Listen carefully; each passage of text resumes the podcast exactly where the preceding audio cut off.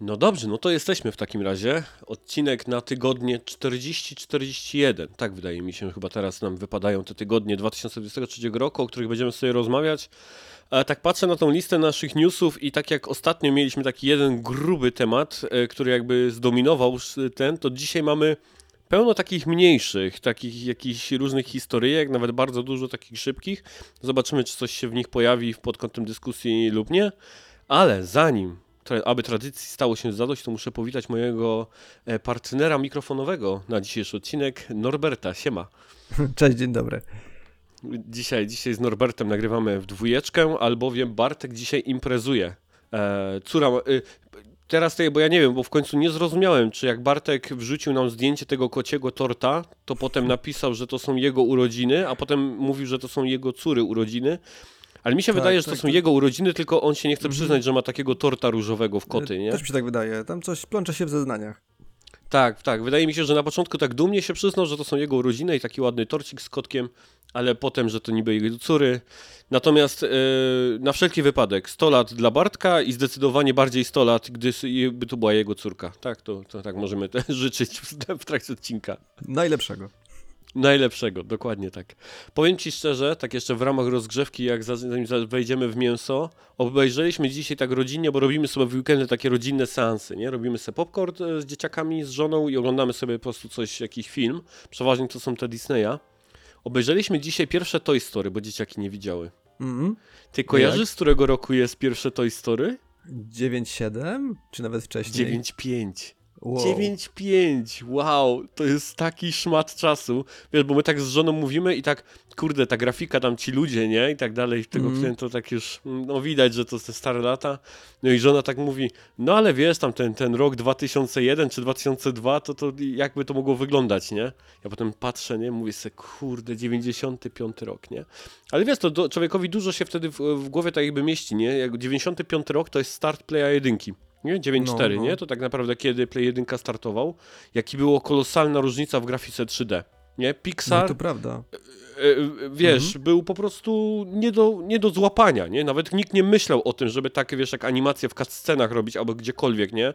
Jedynie Final trochę, nie? Tam tymi cutscenami tak jakby docierał tak jakby do tego. Nie? Tak. Square. Mhm. Ale cała reszta wiesz, nawet nie ma o czym mówić, nie? Tam Pixar to wtedy to po prostu był niesamowity, e, na, jak, na, jak na tamte czasy, bo mimo tego, że dzisiaj to tak obserwujemy, że, że to już nie to, to jak te zabawki tam wyglądały i ten, to super, nie? No Albo w Kingdom Hearts ostatnio grałem też, nie? I to a, też no. ogromna różnica, nie? Jak same Kingdom Hearts wyglądają, wiesz, jak chudy i tak bas już w Kingdom Heartsach, no. a tutaj ogromna, ogromna różnica. Ale to nawet samo to, jak to mi się przypomina, jak e, właśnie te Toy Story się oglądało kiedyś i, i mówiło się, że kurczę, kiedy będą tak gry wyglądały, że normalnie, wiesz, tak nie, nie w cutscenkach, tylko normalnie w czasie akcji. I proszę. Dokładnie. No, no, no, no, no. no. Teraz mamy się, taką jasne. Kenę chociażby i już tak trudno nam odróżnić, czy to jest, wiesz, animacja, czy ten, albo, albo Ratcheta, to, to, to nie? No, tak. Jeden do jednego. Jak te gry właśnie darły, nie? Przecież mm -hmm. gramy, właśnie, to Ratcheta. Ratchet mi od razu do głowy przyszedł, nie? Że przecież teraz ten nowy na Playu 5, którego tam jeszcze nie grałem, ale jak tak sobie obejrzałem, to jakieś tam materiały z niego, no niesamowity, nie? Wygląda tak. To, ten, to jest Pixar tak bardzo już ten. Ale nawet te Kingdom Hearts trójka, nie? Jak się grało, mm -hmm to, to naprawdę bardzo blisko było tych disneyowskich gdzieś tam animacji, nie? Te, te, ta grafika tam, więc do, dotarły te gry, albo po prostu Pixar no, też doszedł do jakiegoś muru, nie? Już, mhm. tak jakby, w sumie tak. Właśnie. Nie da się. Mo, nie da się w pewnym momencie już bardziej tak jakby tego ich stylu, tak jakby wydaje mi się mhm. wykonać, nie? Oni tam efektami mocno pracują i te nowe bardzo fajnie też wyglądają te animacje. No ale to tak, taki strzał nostalgii, e, mm. pierwsze, pierwsze tej story. A samo jako film, jako historia, bardzo fajne. Się fajnie oglądało. To, to się akurat nie starzeje, jest... trzeba przyznać, że no, pod tym względem. No. Ja bardzo Disneya gdzieś tam sobie, sobie, o ile cała korporacja jest taka, bym powiedział, trochę na granicy, jako taki moloch, gdzieś bym powiedział, tej, tej, tego świata ro, rozrywki, to ja te animacje bardzo lubię chłonąć, zarówno te mhm. malowane, nawet szczególnie te malowane i Pixarowe, od Pixara też.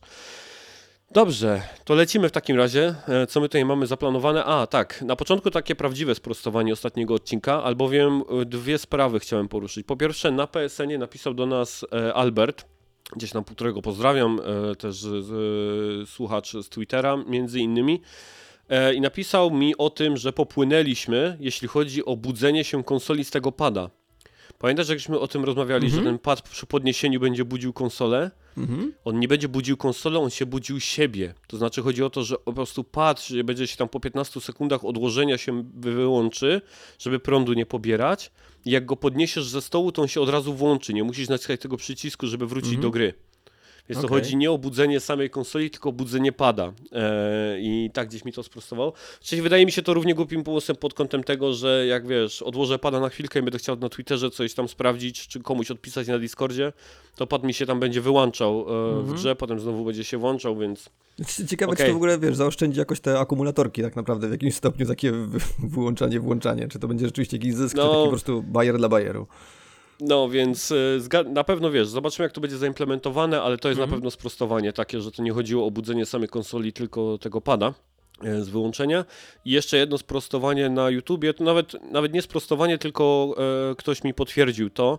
E, Piechu, z tego co wiem, to Microsoft ogłosił przed startem tej generacji, że gry na Xklocka e, One będą wychodzić przez pierwsze dwa lata nowej generacji dlatego w 2022 nic nie wyszło od nich i gry, i gry zaczęli wypuszczać tylko na XS i XX e, w 2003, e, 23 a One poszedł w odstawkę.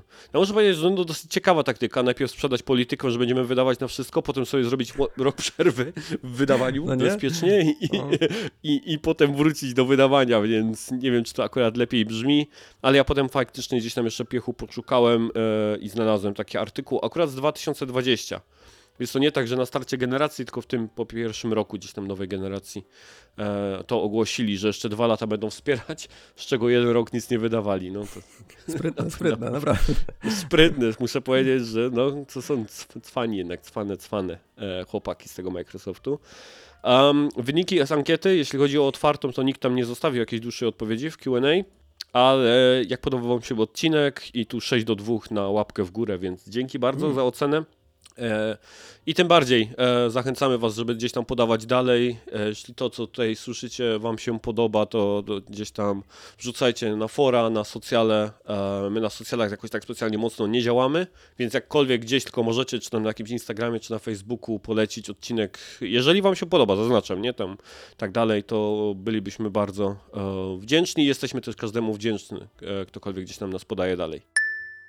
Dobrze. I teraz mam w pierwszej kolejności same aktualizacje, e, bo mam tutaj raz, dwa, trzy, cztery, pięć, sześć tematów, przez które raczej szybko przelecimy, bo one też tylko tak jakby dodają do rzeczy, o których mówiliśmy w poprzednim gdzieś tam e, e, odcinku. Więc teraz tak, e, Sony tłumaczy się z usunięcia materiałów o Kotorze. Mówiliśmy o tym, że materiały tak jakoś mhm. cudownie znikają e, z, z sieci, jeśli chodzi o, o Kotora. I to jest tak, że Sony twierdzi, że usunęło zwiastun remake'u Kotora z powodu wygaśnięcia licencji na muzykę.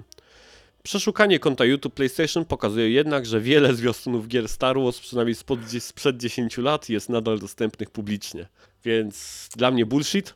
Nie, nie postarali się z tą wymówką. Nie postarali się z tym tłumaczeniem. Muszę powiedzieć, że mogliby się troszkę lepiej postarać z, z, nim tak na serio. Um, no ale dobrze, lecimy dalej. Cóż my tu mamy? Payday 3 e, już działa. Starbreeze stwierdzi, że problemy z serwerami, które występowały w momencie premiery Payday 3 zostały już naprawione. W oświadczeniu dyrektor generalny Starbreeze Tobias Songe dodał Przede wszystkim chciałbym podziękować naszym graczom za cierpliwość, którą nam okazali. Społeczność jest silnikiem, który napędza do przodu zarówno nasze gry, jak i naszą firmę. E, naprawdę nie muszę powtarzać, że nie był to początek, jakiego chcieliśmy, ale jednocześnie nasz model biznesowy to maraton, a nie sprint. I nie strudzenie będziemy kontynuować budowanie Payday 3 większym i lepszym, aby zapewnić najlepsze możliwości wartości dla naszych graczy. Więc e, miłe słówka e, w stronę graczy, dla tych, którzy gdzieś tam zostali z tytułem i mam nadzieję, że, że znaczy ten CEO ma nadzieję, że zostaną po tych bolączkach, no ale podobno już się da grać. Czyli że, co, że dwa tygodnie? Są, Dwa, Dwa tygodnie, potrzebowali od premiery, nie? No to no. chyba, to chyba trzeba w takim razie iść w stronę nie early access, tylko jako gracz taki late access, czyli dwa tygodnie po premierze się dać do, do, do gry najlepiej tak. wychodzi na to, to wtedy, wtedy można bez problemu. Jaki z tego jest morał? Brak preorderów. Mhm. Jest, jakakolwiek historia by była, to w sumie ten morał pasuje, więc możemy go powtarzać tak nieskończoność. I to, jest, I to jest nawet, zobacz, że w sumie nie ma co się przejmować kimś FOMO, czy tam coś ci omija, no bo inni i tak nie grają, więc to Dokładnie, po prostu dołączysz, dołączysz dopiero jak już wszyscy się bawią, więc no win-win. Win-win, sytuacja win-win. Um, John Riccitiello opuszcza Unity. Unity ogłosiło, że John Riccitiello ustąpi ze stanowiska prezesa, dyrektora generalnego, prezesa i członka zarządu ze skutkiem natychmiastowym. Czyli CEO e, odchodzi e, w, od, w odstawkę. Czas pokaże, gdzie go gdzieś tam wiatry zaniosą. To jest osoba, która, która gdzieś tam przez tą branżę się przebija w różnych gdzieś tam miejscach. Zobaczymy, gdzie będzie sprzedawał tą amunicję do strzelanek. E, którą gdzieś tam o. sobie wymyślił. Taki biznesmen to e... znajdzie, znajdzie na pewno. No. O, to jest ciekawe też e, aktualizacja. Jedni odchodzą z kartonem, inni w Lamborghini. Do urzędu pracy tak na Kamija opuszcza Platinum w Lamborghini i twierdzi, że nie odchodzi na emeryturę. A to do urzędu pracy to serio on tak napisał gdzieś tam chyba na Twitterze, że tam to the job center czy coś. E, były wiceprezes Platinum Games Hideki Kamiya uruchomił kanał na YouTubie i powiedział, że, że czuje się bardzo odświeżonym po opuszczeniu firmy, której był współzałożycielem. Ten kanał to akurat warto obserwować, bo na przykład e, ja jakiś czas temu polecałem czy reklamowałem Sakuraya, mhm. e, twórcy Smash Bros. i osoby stojącej za serią tak naprawdę od zarania dziejów. Ma swój kanał, którym bardzo dużo fajnych rzeczy, takich game devowych zdradza i game designerskich, więc e, polecam. Zobaczymy, co Kamiya będzie wrzucał gdzieś tam na, ten, na, na, na swój kanał. Um, I Kamiya e, musi zrobić sobie rok przerwy. E, I to jest właśnie to, że to gdzieś tam, e, jak to Bartek tam nazwał, tam jest, są te prawne, tak? Te zobowiązania, że tam nie może podjąć Tak, zakaz konkurencji pracy. pewnie, nie? Coś takiego. Tak, jakiś mm -hmm. przez rok, więc robi sobie gdzieś tam przerwę. I tutaj w sumie chciałem dorzucić, bo nie mam tego w komentarzu, ale dowiedziałem się o tym, znaczy przypadkiem po prostu zapomniałem o tym zupełnie, że Mikami już nie pracuje w Ghostwire. Nie wiem, czy o tym wiedziałeś. Nie, e, to... Shinji Mikami. Mhm. E, ja to jakieś 7 miesięcy temu znalazłem newsa, e, że odszedł z Ghostwire Studio i nie pracuje już tam. I właśnie chyba też ostatnio pojawiła się na socjalach właśnie jakaś tam wspominka od niego, że kończy mi się tak jakby ten okres laby i chyba czas się wziąć do roboty. Więc dlatego pisałem potem o tym gdzieś tam na naszym Discordzie, nie? że tutaj Kamiya e, odchodzi z Platinum, tu Mikami gdzieś tam ogłasza, mm -hmm. że chyba warto by było wrócić do game devu. Tam się coś pichci, nie? Coś tam chłopaki, chłopaki coś gotują, nie? Coś tam, coś tam jest, coś tam jest na, na palniku. Game Pass nie działa dla małych, nieznanych gier. E, to jest stricte ode mnie subtelny, tak od serca komentarz, który musiałem wrzucić, albowiem pamiętasz, że jak mówiliśmy o ofercie Game Passa, to ja tam zaznaczałem, że jest taka gierka Lamplighters League, która mhm. wygląda jak taki e, XCOM w czasach takiego, mhm. wiesz, tam mumia, tam prohibicji i tak dalej, gdzieś tam te klimaty czasowo. E, Paradox Interactive spisuje koszty rozwoju Lamplighter League po rozczarowującej premierze gry. E, development gry to 30 milionów dolarów, a udało się zarobić 7 razem z kasą od Microsoftu z Game Passa. Więc generalnie nie zwróciło im się nawet koszty hmm. gdzieś tam e, developmentu przez ten, przez ten czas. Dlaczego jakby od razu tak szybko reagują? No bo prawda jest też taka, że gry zarabiają na siebie gdzieś w tym pierwszym tygodniu dwóch najwięcej. Tak? To, to jest tak jakby tam się celuje tak jakby w tę największą sprzedaż swojego gdzieś tam produkcji. I teraz jak ja to rozumiem, to oni to wrzucają tak jakby w koszta, tak jakby ten development w koszta i próbują go tak jakby odpisać od podatku czy coś. Nie wiem, z czym to się dokładnie wiąże tak potem, że nie mogą potem go dalej sprzedawać, czy nie mogą tak jakby... Trudno mi powiedzieć, nie? Natomiast e, mhm. newsy, jakie na ten temat czytałem, to po prostu gdzieś, że spisują na straty tak jakby ten koszt developmentu i e, już tam było ogłoszenie, że studio, które to robiło, e, bardzo mocno się zaczyna ciąć, nie? Jeśli chodzi o, o, o, o osoby nawet, pracujące. Nawet chyba już tam było, że mocna redukcja produkcja była właśnie jeszcze nawet przed, przed wydaniem, tak naprawdę przed premierą, oni już tam zmniejszali to, to liczebnościowo, jak tam będzie, więc znaczy, pewnie coś to przed premierą, znaczy, znaczy, wiesz co, to nawet nie. Bardzo dużo ekip robi taki, z mojej perspektywy, błąd, mhm. że pod koniec developmentu zatrudnia osoby, żeby dopiąć tytuł na ostatniej gdzieś tam mecie, nie? Tam powiedzmy, tam fiksować bugi i tak dalej, nie?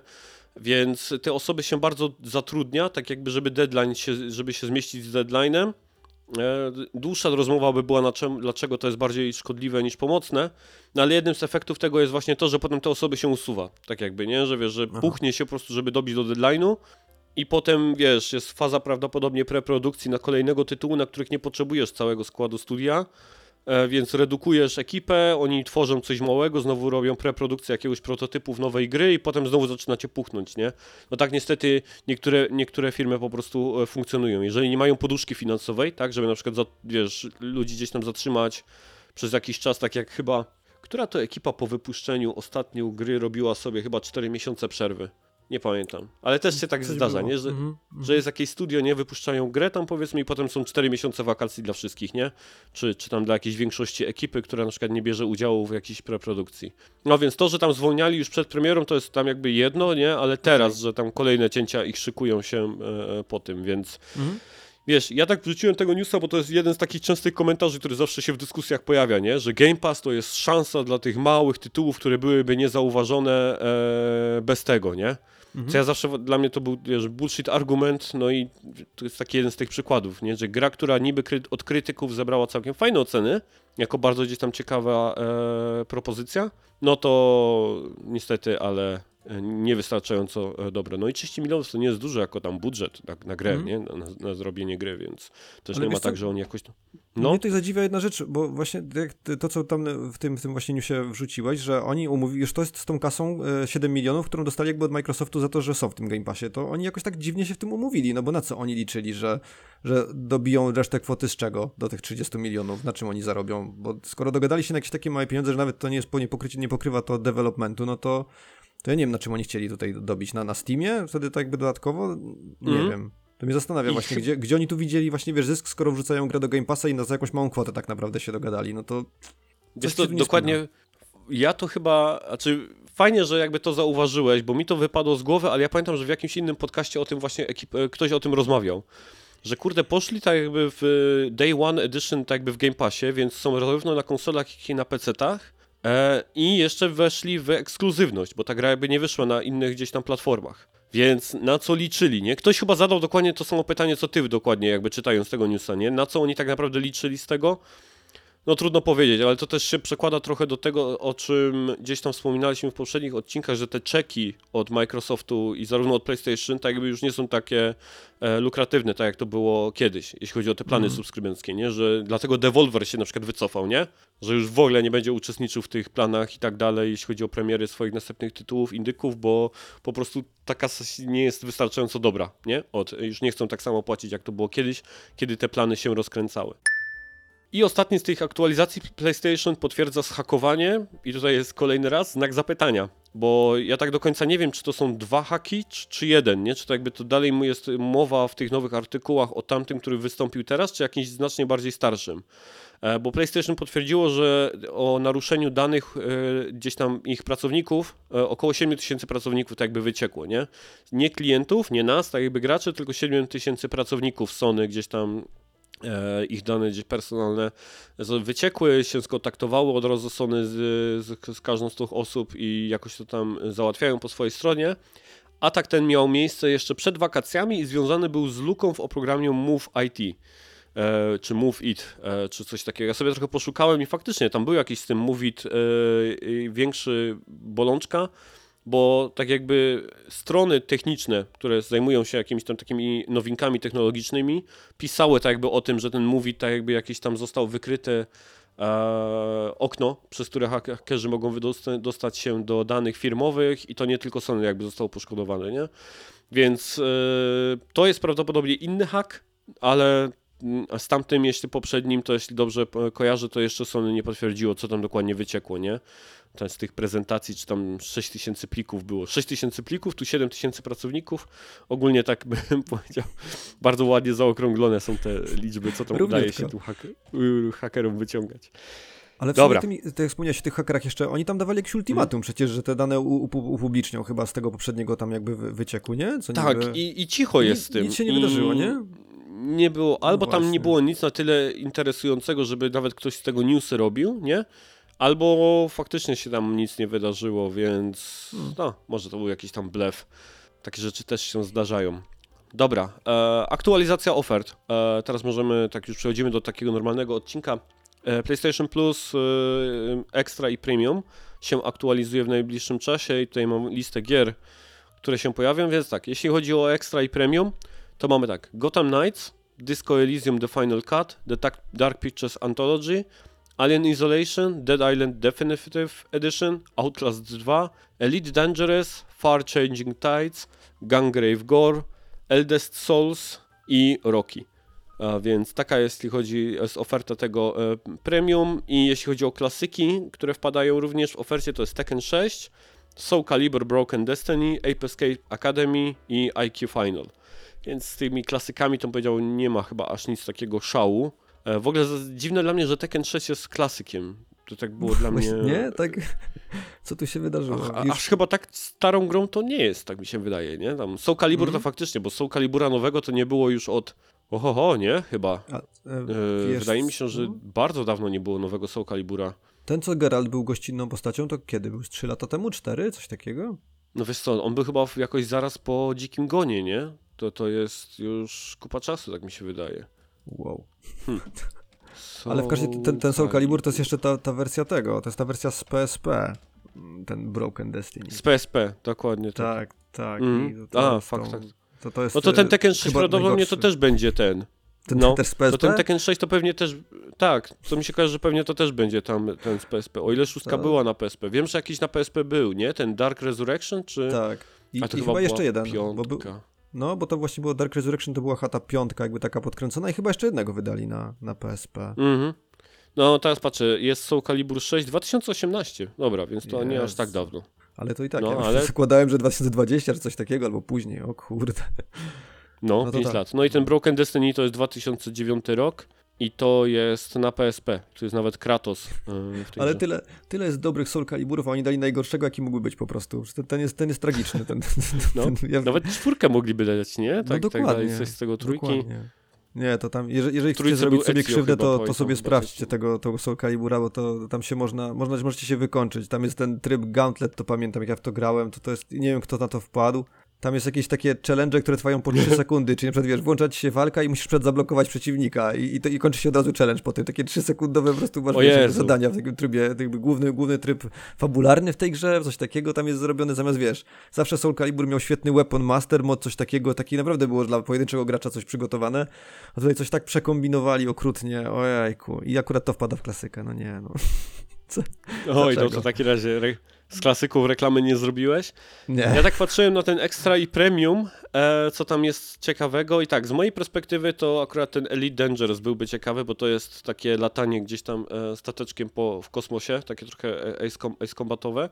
Ale znowu ja e, z racji gdzieś tam siebie to polecam Far Changing Tides, bo to jest bardzo ciekawy wyglądająca e, gierka, taka mel melancholijna e, dosyć mocno, e, indyczek E, I, I chyba tyle z takich jakby gdzieś tam, no bo tutaj Alien tam Isolation, też fajny tytuł, Disco mm -hmm. Elysium, bardzo dużo osób sobie zachwalało. No Gotham Knights, nie? To też jest e, dosyć nowy tytuł, e, taki gdzieś tam na, na rynku. Idealnie Więc, do sprawdzenia, e, tak co, Coś tobie tak wpadło w oko? Wiesz co, z tego, oprócz tego, co wymieniłeś, to chyba bym polecił jeszcze Gungrave Gore do sprawdzenia. Taka, taka radosna rozwałka. Mm, no Więc tak, tak. Przy okazji tak. zawsze, jak z Anią tylko ten Gungrave się pojawia, to my zawsze anime też polecamy. Mm. E, więc jak ktoś gdzieś tam y, lubi, to naprawdę kawał dobrej animacji jest, jeśli chodzi o Gungrave Gore. Dobra, słuchaj. Koniec pierdolenia, lecimy e, z odcinkiem faktycznym, można powiedzieć. I zaczynamy od nowe PS5, nie Slim. E, Sony zapowiedziało w bardzo ciekawy sposób. Ostatnio Sony zapowiada swoje nowości. Tak jakby już nawet już palicho, że dało lachę na konferencję. Już dało lachę teraz nawet na jakiekolwiek gdzieś tam e, state of play czy coś takiego. Teraz po prostu nową konsolę zapowiadają przez filmik na kanale i, i post na blogu swoim. E, więc e, Sony ogłosiło właśnie e, kilka dni temu na blogu, że będzie nowy model PS5. Dlaczego zaznaczyłem, że jest to nie Slim, a czy jest to po prostu PS5, bo tak Sony też je nazywa. One zupełnie gdzieś tam usuną stary model ze sklepów, nie będzie możliwy do kupienia. Ten asortyment, który teraz jest i też od razu wiemy, dlaczego takie ceny są teraz tych starych konsol tam na łeb na szyję idą na całym świecie, są do wysprzedania usunięcia z magazynów i będzie tylko i wyłącznie nowa wersja gdzieś tam produkowana. E, co jest no, zrozumiałe z punktu widzenia gdzieś tam produkcyjnego, nie? Tak jakby fabryka, jedna linia produkcyjna i będą lecieć tylko i wyłącznie z tymi modelami. Tym bardziej, że nawet e, teraz faktyczna tylko jedna linia produkcyjna będzie potrzebna, bo modele praktycznie niczym się od siebie nie różnią. E, I do tego zaraz dojdziemy. E, objętość nowego PS5 została zmniejszona o ponad 30%, a waga o 18,24% w porównaniu do poprzednich modeli. To jest sporo. E, szkoda, że oni w materiałach marketingowych nie zrobili jakiegoś takiego side by side, żeby je położyć obok siebie czy coś, bo tam były tylko i wyłącznie rendery, ale z tego co wygląda, to one są dużo, dużo mniejsze. No 30%, 1 trzecia mhm. tak jakby wielkości to jest sporo. Szczególnie, że no PS5 jest to kawałem konsoli tak naprawdę. A istnieją cztery oddzielne panele osłonowe, z, e, z których górna część ma błyszczący wygląd, a dolna pozostaje matowa. Różne kolory nakładek na konsolę PS5 dla nowego modelu będą dostępne od początku 2024 roku. No tak, zmniejsza się, zmienia się konsola, więc jeżeli kupowaliście sobie te nakładki na boki tam oficjalne od Sony i tak dalej, które nie kosztowały mało, to też trzeba zaznaczyć, że, że no, dla mnie ich cena mnie odrzuca, naprawdę, tam po prostu tych, tych panelów są bardzo drogie. No to e, nie będą pasować oczywiście do tego modelu, będą natomiast nowe, tam gdzieś na, w przyszłym roku e, wydawane, więc to tyle. E, warto gdzieś o tym wspomnieć. E, jeśli kupisz wersję PS5 e, cyfrową, możesz później dodać napęd Ultra HD Blu-ray do PS5, ponieważ będą one również sprzedawane osobno za 120 euro. 120 euro to jest cena gdzieś tam europejska i o tym mówiłem. To akurat ta modularność to jest coś, o czym no, przewidywaliśmy, tak jakby to nie było dużo tak jakby zaskoczenie, żeby o tym mówić, że e, to, to ma jak najbardziej sens żeby zacząć produkować jeden model i po prostu ten Blu-ray gdzieś tam doczepiać, ale muszę powiedzieć, że jak to fajnie jest rozwiązane, e, bo praktycznie ta cyfrowa po dołożeniu tego napędu wygląda identycznie jak ta, e, jak się kupuje od razu gdzieś tam e, z napędem. On tak się tam ładnie, przynajmniej tak na tych grafikach jest pokazane, że on się ładnie po prostu tak jakby jest tam, ściąga się obudową, tak jakby wklikuje się w, w tą, tą konsolkę i od razu ma się gdzieś tam z napędem. Więc e, tutaj tylko trzeba zaznaczyć, e, że jeżeli kupujecie wersję najpierw cyfrową i potem napęd, to znacznie więcej się płaci. Tam jest chyba różnica kilkuset złotych, jeżeli byście kupowali tą wersję cyfrową i potem sobie dołożyli napęd, niż jakbyście od razu kupili konsolę z napędem. Więc e, z mojej perspektywy od razu lepiej warto zainwestować, bo ten napęd może wam się przydać, a może nie, tak? A, a, a, a będziecie się po prostu zaoszczędzicie tą kasę, gdybyście zmienili zdanie później. E, w konsoli umieszczono również większy dysk SSD, oddający graczom około 200 GB więcej miejsca. Znów chodzi o to, że kiedy się kupowało konsolę z 1 terabajtowym dyskiem, to tam tej przestrzeni do użytku było około 670 giga czy coś takiego faktycznie. E, a teraz e, z tego jak to ludzie tłumaczyli na materiałach różnych gdzieś w sieci, to jest jej chyba tam 830 czy 840 giga miejsca tak jakby, że po prostu tak jakby Sony tak jakby nie wiem co zrobiło, czy jest ten dysk po prostu większy, czy lepiej jakby zarządza tą pamięcią, natomiast około 200 giga więcej miejsca e, ten taki bazowy dysk e, zyskał. E, I chyba ostatnia, najbardziej kontrowersyjna sprawa, pozioma podstawka będzie dołączona do nowego modelu PS5 od razu w zestawie, tak? Czyli jak chcecie ją położyć ale będzie nowy stojak pionowy, kompatybilny ze wszystkimi modelami PS5 i będzie sprzedawany osobno w cenie 30 dolarów.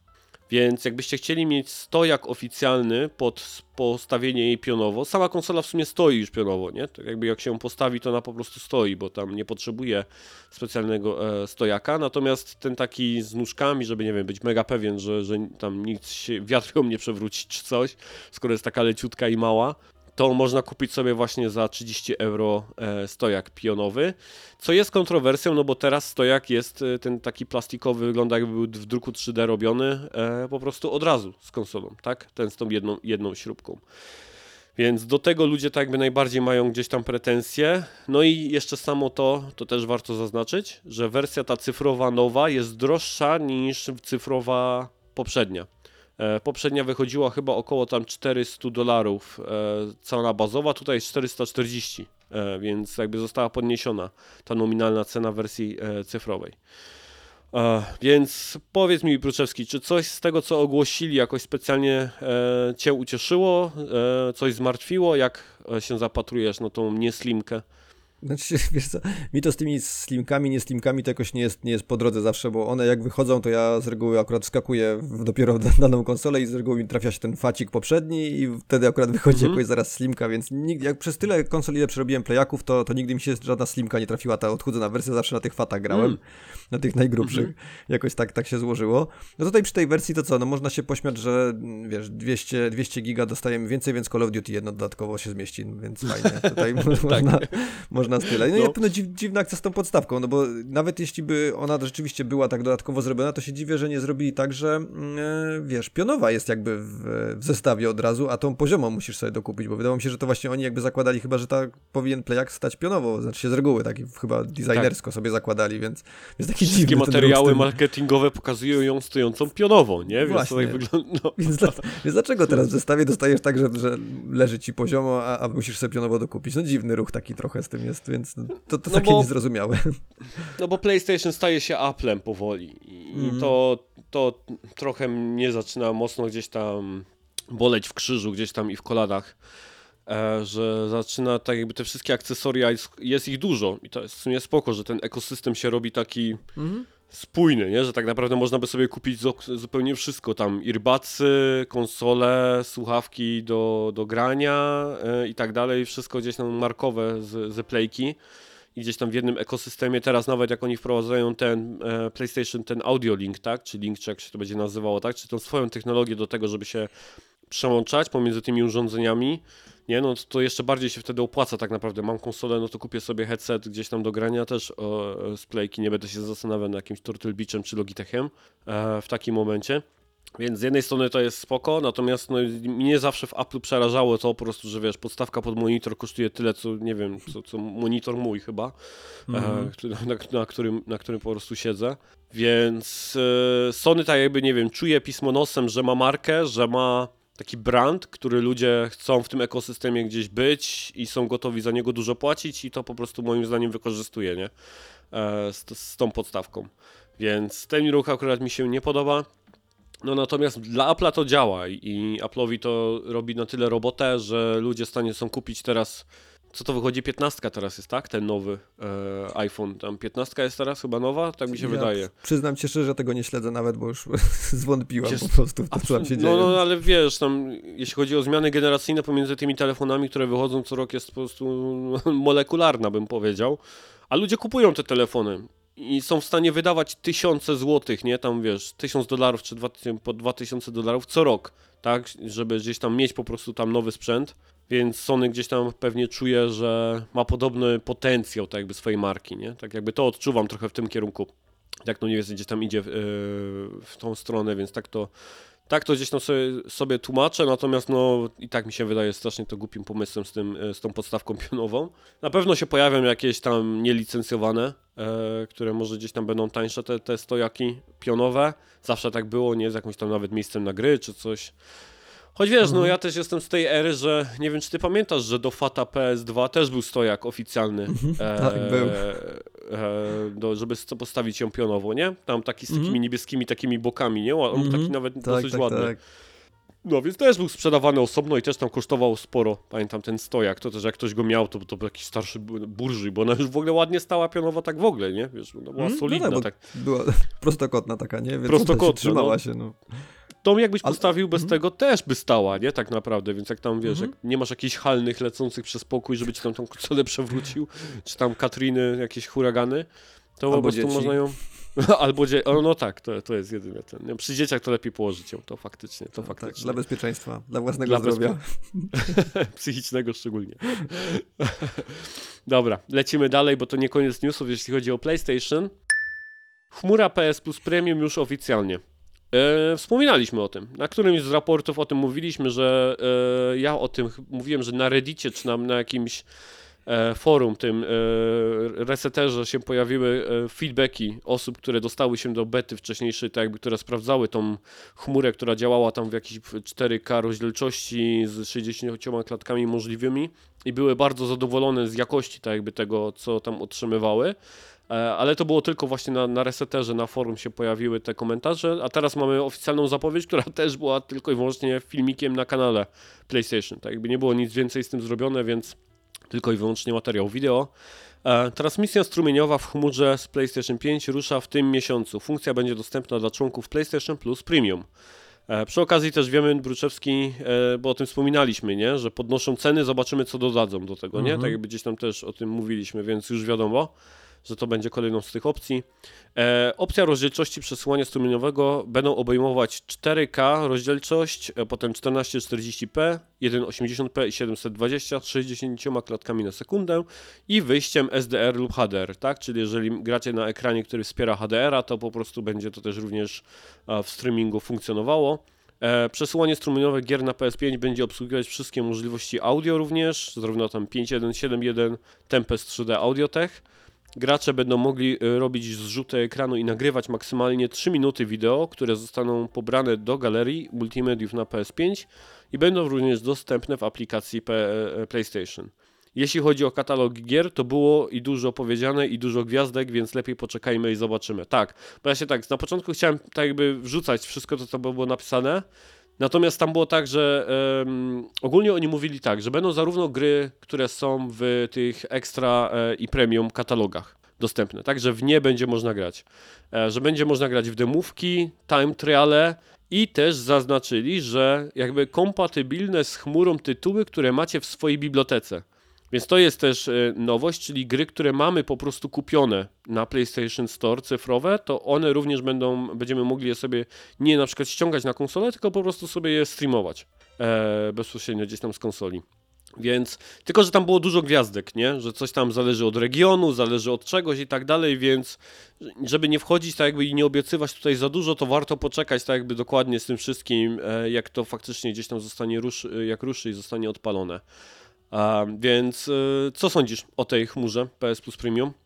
Wiesz co, no chyba przede wszystkim dostrzegam tej atut taki, że przy tym ile te gry teraz ważą, e, ile to tak naprawdę czasami zajmuje to pobranie i zainstalowanie tego wszystkiego, to jest dobra opcja, żeby sobie przetestować szybko tytuł, zanim się w niego zagra, tak wiesz, żeby sobie wrzucić na właśnie przez chmurę, pograć chwilę, zobaczyć, a pasuje mi, to wtedy mogę sobie przed już go ściągnąć, pobrać normalnie i grać u siebie, u siebie z dysku, więc Mhm. to, to jest dla mnie spoko opcja. Tak samo te demka i triale, o których wspomniałeś, to też będzie wygodne, że nie trzeba się jakoś bawić, bo jak się okazuje, będziemy o tym jeszcze mówić, że demka potrafią już trochę ważyć, więc... Mhm, dokładnie. Więc to wiesz, więc to całkiem, całkiem spoko opcja pod tym względem dla mnie, że wiesz, że, że wygodne, naprawdę można szybko sobie wrzucić na róż coś, zerknąć, czy, czy nam pasuje i dopiero później dalej się bawić tym, że czy ściąganiem, pobieraniem, instalowaniem. No.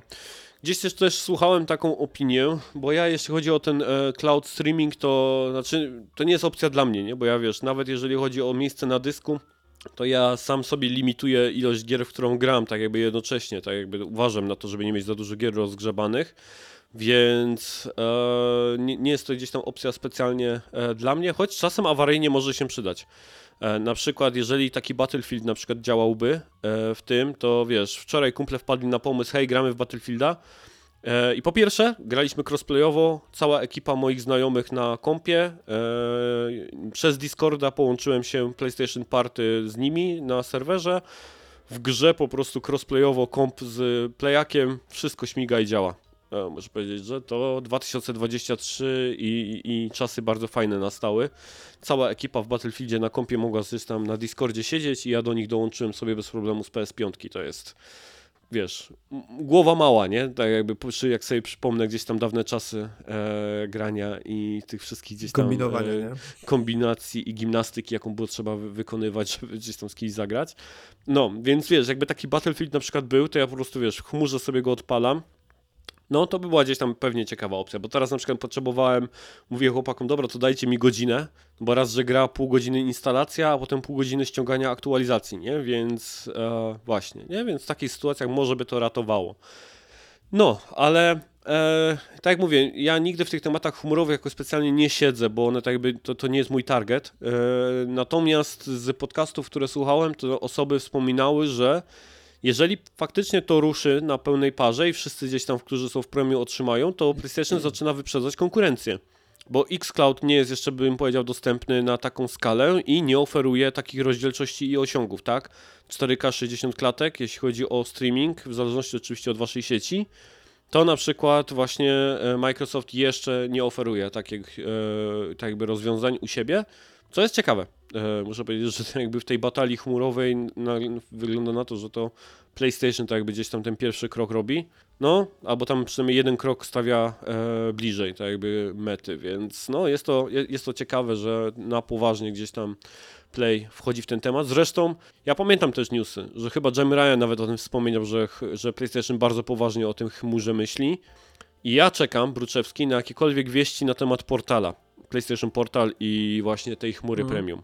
E, bo no tak. to jest coś, co. To jest coś, co Bartek gdzieś tam czuł pismo nosem, tak? Że będzie możliwość po prostu bezpośredniego właśnie grania w chmurze, mając premium z tego portala, gdziekolwiek się jest i tak dalej. No to byłby game changer e, dla tego małego mm -hmm. sprzętu, nie? Gdyby tam było możliwość właśnie e, korzystania z tego rozwiązania. Bo generalnie czemu nie? nie? To wydaje się, że sprzęt będzie mocny jako mocny, a tam będzie tak naprawdę tylko i wyłącznie funkcja strumieniowania, więc będziemy albo streaming, robić z konsoli PS5 w domu, albo po prostu będzie sygnał leciał z chmury tej właśnie PlayStation, tak? Eee, dostępnej. Więc wydaje się, że nie ma barier, żeby to miało tak działać. Zobaczymy, czy faktycznie gdzieś tam Bartka przeczucia w tym e, rejonie były faktycznie trafione. Dobrze, lecimy dalej interesujące liczby e, danych ze Steam. I tutaj chyba tobie e, zostawię newsa, bo pamiętam, że ty chyba wpadłeś z tym tematem. Mhm. A to jest w sumie, e, zauważyłem taka ta kontynuacja tego, co wspominałeś na poprzednim raporcie, bo e, pierwsza dana, jaka tutaj w ogóle się pojawia, to że na Steamie jest ponad 71 tysięcy gier i to chyba o tym mówiłeś nawet przy poprzednim tak. naszym, naszym raporcie, o tym właśnie, że taka no. liczba aż. Tak. No i ta infografika, którą, którą tutaj właśnie, e, która mi wpadła w ręce, e, pokazuje dużo więcej takich ciekawych danych. Mhm. I mamy na przykład tak, że ponad 50% wszystkich gier na Steam nigdy nie zarobiło więcej niż 1000 dolarów. To już jest no. pierwsza mocna rzecz. 58% e, wszystkich gier Steam zostało wydanych w ciągu ostatnich 3 lat. To oznacza, że w tym roku średnio jest wydawanych 40 gier dziennie na Steamie. Szkoda, wow. że nie jest powiedziane, ile zostaje usuwanych nie? Tak mm. od mhm. razu zaznaczając, nie? Ale że no, na pewno jest ich dużo tych usuwanych, nie? Bo o tym wspominaliśmy, że tak jakby my bardzo dużo mówimy o tym, żeby zachowywać tak jakby tam dziedzictwo gier i tak dalej. To chyba przy tym temacie o tym też rozmawialiśmy, pamiętam tak, Bruczewski, tak, tak. nie? No ale zobacz, ile tych gier musi być usuwanych, nie? Skoro tak jakby od, od zarania dziejów istnienia Steama Eee, 71 tysięcy jest, 58 w trzech ostatnich latach wyszło i 40 gier dziennie, nie? Więc to, co jest usuwane, to jest na pewno też tego bardzo dużo, co znika po prostu ze mhm. Steama. Nie no, ale to zaraz dojdziemy do tego, dlaczego znika, bo to też tam jest w sumie. Dokładnie. E, jeśli weźmiemy pod uwagę tylko gry wydane w ciągu ostatnich 3 lat, 50% z nich nie zarobiło więcej niż 500 dolarów. To mniej niż 300 e, dolarów po opłatach i podatkach Steam. I teraz jeszcze lecimy dalej z tym. Jeśli wykluczymy całkowicie darmowe gry, które nie zarabiają żadnych pieniędzy, średni przychód jest bliższy 700 dolarów. Jeśli spróbujemy wykluczyć super proste i tanie gry, patrząc tylko na tytuły wycenione na więcej niż 5 dolarów, mediana będzie bliższa 4000 dolarów. Mhm. I jeśli dodatkowo wykluczymy wszystkie gry poniżej 10 dolarów, to mediana wyniesie już aż 17 tysięcy dolarów. To już jest mhm. całkiem dobry wynik, to już, to tak. trzeba powiedzieć, że to wygląda ok. E, no. Top 5% nadal zarabia ponad 200 tysięcy dolarów, czyli takie największe pewnie blockbustery, jakieś takie hity, które dobrze się przyjmą, to one zarabiają dużo, dużą forsę. Mhm. E, ponad 70% wszystkich gier wydanych w ostatnich latach można zaliczyć do projektów hobbystycznych, tak to jest ujęte, projekty hobbystyczne. Mm które nie są wspierane przez żadnego wydawcę gier wideo. Ja zastanawiam się, czy tutaj pod tymi projektami hobbystycznymi kryją się w ogóle gry indie, czy oni to jakoś jeszcze dodatkowo wyróżnili i to nie jest tak, wiesz, jeden do jednego przełożenie. Właśnie tutaj chciałem powiedzieć, bo tak na początku jak sobie przeczytałem te projekty hobbystyczne, to sobie pomyślałem po prostu, wiesz, jakiś taki single developer, czy tam, wiesz, mhm. e, osoba, która w ogóle nie myśli o monetyzacji, czy tam jakimś planie biznesowym na swój tytuł, po prostu chciała sobie zrobić gierkę i ją wrzuca. E, ale do takich rzeczy chyba wydaje mi się, że jest bardziej ten itch.io, tak? Jest tak, ten, tak. E, mhm. e, I tak, takie tego rodzaju no serwisy są chyba bardziej do tego. Na Steamie wydaje mi się czyli Czyli jeśli dobrze rozumiem, to tutaj, które nie są wspierane przez żadnego wydawcę gier wideo, czyli ten tak zwany safe publi e, e, safe pub, nie, nie mhm. safe publishing, self, przepraszam, self, self publishing, publishing, tak? Mhm. Tak, czyli wszystkie gry, które e, studia same gdzieś tam wydają, no to to akurat jest bardzo dużo. 70% takich gier, no, Okej, okay, to, to w takim razie dla mnie nawet lepiej brzmi, bo jak myślałem sobie, że 70% to są właśnie te takie gry robione, wiesz, na kolanie przez jedną osobę for fun, to wydawało mi się to bardzo dużo. A jeżeli mówimy, że to jest self-publishing, no to oczywiście tych ekip, które wchodzą w self-publishing i chcą same wydawać, tym bardziej jeśli robią to na Steamie. Tak naprawdę mhm. publishera do Steama nie, znaczy, okej, okay, publisher to jest marketing, to są, wiesz, um, w dokumencie na temat Sea of Stars ta ekipa e, Savage też mówiła, chyba Savage, nie, Sabotage, przepraszam, Sabotage, nazywa się to studio z Kanady, które zrobiło Sea of Stars. Oni wspominali o na przykład, że jeżeli chodzi, bo tam też było pytanie do nich, dlaczego The Messenger był pod Devolverem, a Sea of Stars zrobili self-publishing, tak jakby. Mm -hmm. e, nie wchodzili w, w żadnego w kolaborację z jakimś wydawcą. I oni właśnie mówili, że mając e, wydawcę, między innymi masz dostęp do marketingu, oni też bardzo pomagają przy tym, ale też do, no, ja o tym nie wiedziałem akurat, do bardzo dużej ilości narzędzi statystycznych, e, że tak jakby nie mając wydawcy, masz tak jakby mniejszy dostęp do tego, na przykład informacji, y, jak się twoja gra sprawuje w różnych gdzieś tam miejscach, hmm. jaki typ gracza kupuje twoją grę i tak dalej, że tak jakby wy, dzięki wydawcy masz y, do tych rzeczy dostęp. I oni tak jakby mówili o tym, że rozumieją, że tracą do tego dostęp przez to, że nie wchodzą w kolaborację, nie? Ale że po prostu, że tak widzą większe zyski mimo tego, że mają, e, są właśnie, sami za to odpowiadają. Więc to jest ciekawe, nie? Że w sumie tak jakby, że, że, że wydawca to nie jest tylko i wyłącznie marketing, ale też różnego narzędzia, na, na, mhm. narzędzia takie researchowe. Mhm. Mhm, mhm. pod kątem użytkownika końcowego. Coś co, coś, co może później studio wykorzystać w przyszłości przy przykład kolejnych projektach, nie? Bo to jest taki tak. cenny feedback dla nich tak naprawdę wtedy odnośnie ich projektu i tego, co zrobili. Mhm. Właśnie, to i to prawda. tego niby właśnie gdzieś tam, mhm. gdzieś tam tracą, nie? Więc, no ale wiesz, jak, jak wydajesz się tylko na Steamie, no to, to nie jest problem, nie? Tak jakby, wiesz, żeby po prostu wydać grę, tak? e, samo z siebie. Jak chcesz na konsolach, to jest znacznie większy problem, nie? Bo tam wiesz, wtedy nie ty dyskutujesz z Sony z tymi platformami i tak dalej, tylko masz od tego wydawcę, tak, który wszystko tak jakby załatwia, a ty się skupiasz tylko na, na developmencie. No tak, to zdejmuje problem z głowy jednak, bo to, to trochę mm. zabawy jest z tym licencjonowaniem się. Więc o tak, tak. I certyfikacją i tym wszystkim, nie? Mm -hmm. Co tu jeszcze e... mamy z tej, z tej infografiki, tak patrzę? E, z każdym rokiem rośnie liczba gier, które zarabiają ponad 10 tysięcy dolarów. I teraz mhm. fajna rzecz taka w sumie e, odnośnie tego, jak, jak drogie są gry, albo jak właśnie nie są drogie, bo ponad 55% tak. wszystkich gier Steam kosztuje mniej niż 5 dolarów. 77% e, gier e, z tej liczby 71 tysięcy, które tam mamy, ma cenę mm. poniżej 10 dolarów. Tylko około 5% wszystkich gier na Steam kosztuje powyżej 20 dolarów. Masakra. Jest więc tak, tak, tak cenowo, nie? To... Mhm.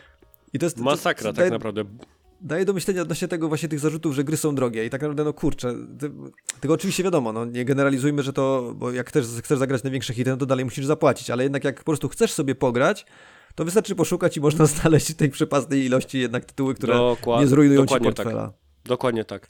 E, szczególnie, że tutaj gdzieś wcześniej było, że top 5 nadal zarabia powyżej 200 tysięcy. Mhm dolarów i tutaj mamy, że te około 5% wszystkich gier na Steamie kosztuje 20 dolarów. Wiadomo, że ten top to może nie, nie być równy tym, znaczy te 5% tym 5%, no ale tak, oczywiście to chodzi o te nowości, zupełnie gdzieś tam nowe gry, które wpadają, a zresztą na Steamie bardzo szybko rzeczy też w te Steam Sale, nie? Tam Summer Sale, Autumn Sale i tam, nie wiem, Sunday, Monday Sale e, wpadają, bo zależy jak tam Gabe ma, ma ochotę, e, co zredukować, e, jeśli chodzi o cenę. No, to jest bardzo ciekawe są te, e, są te liczby i tak jak mówisz, że niby tam krzyczymy, że gry są, że granie jest drogie, ale ja, ja naprawdę, e, ja kiedyś taką dyskusję miałem, pamiętam jak ktoś mi wyliczał, że granie w Destiny jest drogie, nie? Bo te dodatki wychodzą, one kosztują 180 zł i tak dalej, ten dodatek. Ja mówię, stary, to kupujesz raz w roku może ten dodatek, nie? Tam powiedzmy raz w roku wydasz te 200 tam złotych, czy tam ileś i cały rok możesz w to grać. Przecież tam jest taki jeden grindfest tak naprawdę, tam są te aktywności potem, te, te, te, te misje, wątki, sezony się dzieją w ciągu roku i tak naprawdę już to już po prostu sobie tylko uczestniczysz tak naprawdę, nie? Więc granie tak jakby w to, to jest ok, płacisz raz, ale potem tak naprawdę te gry się nie kończą i mają tyle kontentu, że można nawet cały rok gdzieś tam na nich spędzić. No a tutaj tak jak mówisz, no jeżeli ktoś tylko nie chce być gdzieś tego pierwszego dnia e, na premierę z, z jakimś tytułem, to wystarczy chwilkę poczekać, odseparować się od tego FOMO, o którym tyle razy o tym wspominaliśmy i, i po prostu za chwilkę sobie w coś zagrać ze znacznie gdzieś tam niższej cenie, nie? Dokładnie, dokładnie tak. Ale jeszcze tak popatrzyłem na te dane ogólnie, na tą liczbę, to wiesz co, tak, e, tak nie wiem, czy też nie, cię to nie uderza, bo e, Steam, to jest mamy w sumie dane, dane dla Steama, ale mam wrażenie, że to też dotyczy tych wszystkich platform, bo i na, na Switchu chociażby, i na tym, co widzimy na mm -hmm. sklepie PlayStation, że z tych, poprzez ten natłok takich tytułów mniejszych, które tak są robione troszkę czasami na, na żeby widać tylko zarobić, byle zarobić jakimś najprostszym sposobem, właśnie wiesz, kopiowania setów, takie różne tam cudawianki, mm -hmm. co, co kombinują, to tam się robi taki duży śmietnik, którym przez to właśnie giną czasami w perełki albo, albo takie projekty robione od serca i to jest ten problem, no, mam tak. wrażenie, tego wszystkiego, bo bo tych gier 40 gier, jeżeli tam jest e, dziennie, tak? 40 dziennie wychodzi? Tak. 40 e, dziennie. No to w 40 tytułach dziennie, jeżeli akurat trafiasz się swoją premierą i musisz się mierzyć powiedzmy z 39 jakimiś zrobionymi tytułami, po prostu, żeby tylko wrzucić go na Steama i może ktoś kupi przypadkowo jakoś no. misklik albo coś w tym względzie, albo, albo YouTuber, żeby sobie porobić jaja na, na Twitchu czy coś w tym stylu. No to wiesz, no z, z takich rzeczy i musisz z czymś kimś takim konkurować, no to też, e, to mam wrażenie, że przez to też cierpimy my trochę jako gracze, no bo nam się trudno przebijać przez to i trudno wyłowić czasami w tym wszystkim te, te, te fajniejsze takie małe chociażby tytuły, do których ktoś włożył trochę serducha i może jakoś, wiesz, nie, nie mają właśnie sobą tego wydawcy, tego marketingu, takiego wsparcia, mhm. który, wiesz, które by sprawiło, że o, możemy go przylukać, możemy przyuważyć, że coś takiego wyszło. Ja mam, od bardzo dawno mam taki konflikt gdzieś tam wewnętrzny, bo wiesz, bo nie chcę też być takim typem, który powie, wiesz, jak, że nie, powinny być jakiś gatekeeping, nie, jakieś tam, mhm. wiesz, tam limity, nie? Tam kto może robić gry, kto nie może, kto powinien rzucać i nie. Bo to też nie jest tędy droga, nie? Żeby jakby... Bo to jest wciąż fajne, że mamy tak otwarte te platformy i generalnie bardzo dużo osób po prostu może sobie tworzyć bardzo proste gry, dowolnie je wyceniać i, i o tematyce, jaką gdzieś tam chce tak naprawdę e, tworzyć. No chyba, że chce wydać w Chinach, nie? No to tam musi na przykład nie mówić o Tybecie, czy tam wolnym Hongkongu, czy e, Tajwanie e, na przykład. No ale e, tak w normalnym świecie, no to o czymkolwiek byś chciał sobie zrobić grę możesz. No i, i mi, to, to jest z jednej strony mi się podoba, nie? Tylko, że no z drugiej strony jest dokładnie dzieje się to samo, e, co, o czym mówisz, tak? My też wspominaliśmy o tym z Bartkiem, chyba to jeszcze wtedy czasy gamecastowe, newsów na Gamecastie było, tak? Kiedy tam było te wszystkie e, Jumping Taco, Jumping tak, Burrito, tak, tak, tak. Jumping, jumping mhm. Pizza i tak dalej. Gry za dolara, czy tam za dwa z platyną, nie?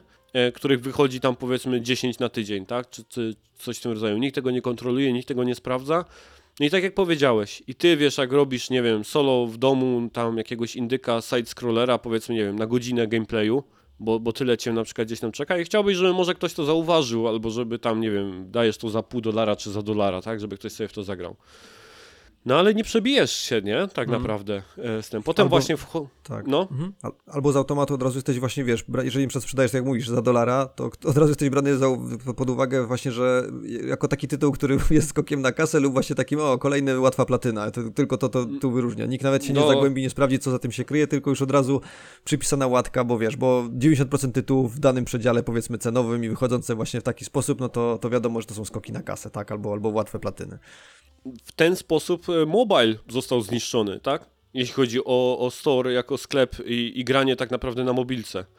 I tutaj największa ta jakby wina jest po stronie Apple'a, który w pewnym momencie po prostu tak się jakby e, cisnął w tą swoją platformę, żeby to było jak najwięcej gier i tak jakby udostępniał wszystkie tak jakby tam gry tak jakby akceptował i tych gier zaczęło się pojawiać bardzo dużo, jakichkolwiek tak jakby limitów nie było i ograniczeń, no bo Apple na tym korzystał, nie, że tak jakby te gry z tymi monetyzacjami, e, z tymi modelami biznesowymi, takimi bardzo gdzieś tam szkodzącymi graczo, graczom się pojawiały, Apple na tym gdzieś tam funkcjonował, no ale całą branżę mobilną to tak naprawdę z, z, z wiesz... Um, zdetronizowało, czy po prostu do takiego punktu ograniczyło, że wydać grę z ceną, z ceną, już nawet nie mówię, że z jednym dolarem, ale po prostu mającą cenę na mobilce, to tak naprawdę samobójstwo. Mm. Tak? Bo na mobilce się tak. wydaje gry za darmo z modelem jakimkolwiek biznesowym, nie? Więc jak ktoś, ja pamiętam, no chyba e, Florence, czy jakkolwiek taka, taka gierka była, która coś tam się wydawała, no i ona też chyba kosztowała 10 dolarów. No kto to kupi tak naprawdę, nie? Tak, no 10 dolarów to ludzie po prostu zapomni, nie? Kto wydaje 10 dolarów na gierkę na, na, na, na telefonie. Więc e, bardzo dużo osób o tym mówiło. Ja teraz już nie potrafię sobie przypomnieć e, twórców Banner Saga. Oni też, pamiętam, e, bardzo wokalnie na ten temat się wypowiadali, na temat ceny, jaką musieli dać na, na storefront gdzieś tam mobilny. E, pod kątem tego, ile ich kosztowało portowanie gry na, e, na mobilkę, nie? Ale po prostu no, się, się nie da. Więc jeśli chodzi o rynek mobilny, to on został po prostu tak jakby ściągnięty do absolutnego dnia, dna, jeśli chodzi o ten, to się nazywa po angielsku, nie wiem czy jest polski odpowiednik tego, race to the bottom, tak? Gdzie po prostu kolejne produkty tylko i wyłącznie jak najniższą ceną starają się po prostu gdzieś tam e, konkurować. Każdy obniża cenę, obniża, obniża, obniża, po prostu wszyscy po prostu zaczęli wydawać gry za zero. No i z tego powodu e, jakakolwiek gdzieś tam inny model biznesowy niż hej, pograłeś godzinę, następna godzina będzie cię kosztować, nie ma sensu, nie? Tak jakby na mobilce, tak? To jest jedyne, co, co teraz tam może funkcjonować. Um, więc, e, no i to może się zdać też tutaj, tak? Jeżeli na przykład w jakiś sposób nie zostanie to e, ogarnięte. Apple się trochę zreflektował, bym powiedział, w ostatnim jakimś tam czasie, bo tam wyszło ten ich ten taki subskrypcji model, ten Apple Arcade chyba, czy jak mm się to nazywało. Tak, tak, tak gdzie oni tak jakby takie, wiesz, robili jakąś kurację, tak jakby i proponowali tak jakby ze swojej strony gry, które uważają, że tam e, powinny, e, po, ktoś powinien zagrać, albo że warto je sprawdzić, czy coś takiego, więc to jest jakaś tam droga, nie? Żeby, żeby, żeby, żeby, żeby to funkcjonowało. E, ale jakby to miało wyglądać na playce, no ja uważam, że powinny się pojawić na PlayStation e, takie reviewsy, jak są na Steamie. E, I, I, ten model taki właśnie tych recenzji, który jest na Steamie, bo Steam ma to bardzo fajnie rozwiązane, te user review. Mhm. Tym bardziej, że one tam są skorelowane z czasem gracza spędzonym w grze. To jest mega ważne. Jakby na Metacritic to tak działało, że gracz musi mieć spędzone w danym tytule ileś godzin, zanim może wydać ocenę. Oczywiście nie da się tego zrobić na Metacritic, tak? Na, na storach się to da, tam nie to byśmy nie przestali mieć bombowanie gier, tak naprawdę, e, by się skończyło e, tak e, gdzieś, więc właśnie, no jakby to było właśnie jakoś skorelowane, że nie wiem, musisz mieć chociażby, nie wiem, pierwszy pucharek wbity, czy tam coś takiego, zanim możesz ocenę wydać. Wiesz, zrobić te recenzje tam z gwiazdkami na, na PlayStation Store, nie? Tylko jakoś mądrze, tak? tak z, jakimś, z jakimś mhm. tam pomyślunkiem. To fajny pomysł, fajny pomysł. Tak samo ewentualnie nawet y, Steam ma chyba coś takiego model jakichś kuratorów, którzy tam właśnie jakby y, mhm. dodatkowo jakby oceniają gry, nie? Taka, taka grupa tak. jakby, która, która dodatkowo ocenia tytuły. To też byłoby fajne, jakby przed była jakaś, wiesz, taka wyznaczona, osoby mogły się powiedzmy zgłaszać do zostania kuratorem i właśnie one zajmowały się takim dodatkowym ocenianiem tych gier, przeglądaniem tych właśnie nowości, premier, sugerowaniem trochę na co zwrócić uwagę, na co nie. Wiesz co, 40 Bo... gier dziennie, mhm. jakby Sony zainwestowało, nie wiem, w 10 osób, które by siedziały u nich w firmie po prostu i dziennie te 40 gier przejrzały i wydały jakąś tam ocenę albo zupełnie odrzuciły te totalne gówna, mm. moim zdaniem to jest do zrobienia. Wiesz, i to nawet te osoby nie muszą być znane mm. i tak dalej, tak jak my na przykład nie wiemy, kto pracuje w ESRB, e nie? Jeśli chodzi o mhm. ocenianie e, gier i tak dalej i sprawdzanie tego kontentu pod kątem e, wieku, tak? I, I, tego, co się dzieje, tak? Lista osób, które pracują i tak dalej jest tajna, nie? Tak jakby tam, ja pamiętam to z do, dokumentu No Clipa o ESRB, że gdzie oni tam z trzema osobami rozmawiały, bo oni tam jakby są przedstawicielami marketingowymi tam jakby i, i tam speakerami firmy, ale tak to nie wiadomo, kto pracuje w ESRB, nie? Więc ja jestem jak najbardziej za tym, kurde, zatrudnić gdzie jakiś zespół dziesięcioosobowy, który by właśnie takim curation teamem dla PlayStation Store'a i on by po pierwsze odrzucał te absolutne gówna po prostu, które tylko i wyłącznie zajmują miejsce i od razu może jakiś taki rating dawał, nie wiem, najlepszej z każdego dnia, nie? Albo mm. coś takiego. Do tego jeszcze te recenzje użytkowników gwiazdkowe, właśnie jakoś zrobione mądrze, bo wiesz, Steam też miał kiedyś ten swój program, jak to się nazywało? Greenlight? Był, gdzie właśnie, tak, tak, tak. Mhm. Gdzie najpierw się grę wysyłało, właśnie ona musiała przejść ten greenlight, tak jakby e, od Valve, nie? Tylko, że tam właśnie był ten powód, że po pierwsze ludzie nie wiedzieli tak jakby kto tam jest, kto to greenlightuje i tak dalej, to były jakieś kontrowersje z tym związane, plus tych gier właśnie niby było za dużo, tak, żeby je wszystkie gdzieś tam mhm. sprawdzać i greenlightować, więc oni to usunęli zupełnie tą barierę. E, no ale wiesz, ważne jest, żeby się uczyć, nie? Uczyć się na, tylko na swoich błędach, ale też na całej gdzieś tam branży, nie? Więc znowu, nauczka z Green Knighta jest taka, ok, dobra, nie robić tego może gdzieś tam na wejściu i tak dalej, nie? Tylko jakoś mądrzej to zrobić, tak? Recenzja może nie pozwalać, żeby oddawać od razu wszystkim, tylko jakoś mądrzej, nie? Tam zależnie od procenta e, czasu z grą spędzonego, albo od jakiegoś pierwszego pucharka brązowego, tak? Który gdzieś tam wpada whatever, nie? I dopiero wtedy pozwolić na, na recenzję. Wydaje mi się, że da się to po prostu jakoś gdzieś tam mądrze ogarnąć i, i to by pomogło, nie? Fajnie by było na pewno, no bo jednak przy tym, przy tym natłoku gier, jakie, jakie są, to by pomogło i, i, i małym twórcom, i na pewno graczom też, więc. Mhm, dokładnie tak. Dobrze, to chyba dolecieliśmy do końca, bo tam było takie mhm. pytanie, ale to chyba myśmy o wszystkim rozmawiali na bieżąco, tak, nie? Tak, tak, tak. Tak, tak, tak, tak mi, się, tak mi się wydaje. Dobra, teraz ciekawy news. Pokémon i brak kultury. Firma Pokémon przeprosiła po tym, jak skalperzy zepsuli planowaną współpracę z Muzeum Van Gogha w Amsterdamie. W tym tygodniu planowano udostępnić linię gadżetów Pokémon X Van Gogh, w tym posąg, e, plusza, torbę i nie tylko, aby uczcić 50-lecie Muzeum Van Gogha.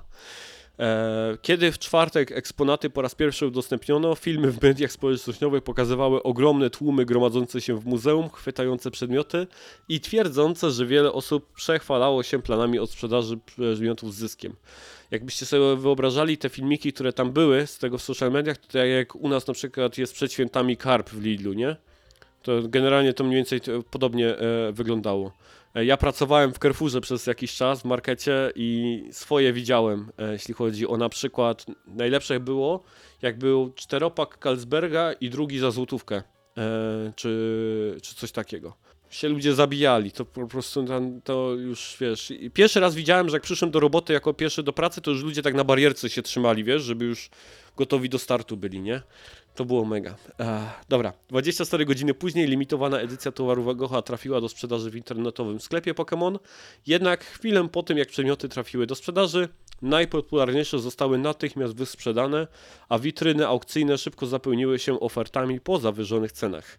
Oczywiście chodziło o to, że ruszyły wszystkie boty skalperskie, e, które wykupiły cały praktycznie gdzieś tam e, repertuar, czy tam zapasy magazynowe, jakie gdzieś tam e, Muzeum Wagocha i, po, i Pokémon Company miało przygotowane.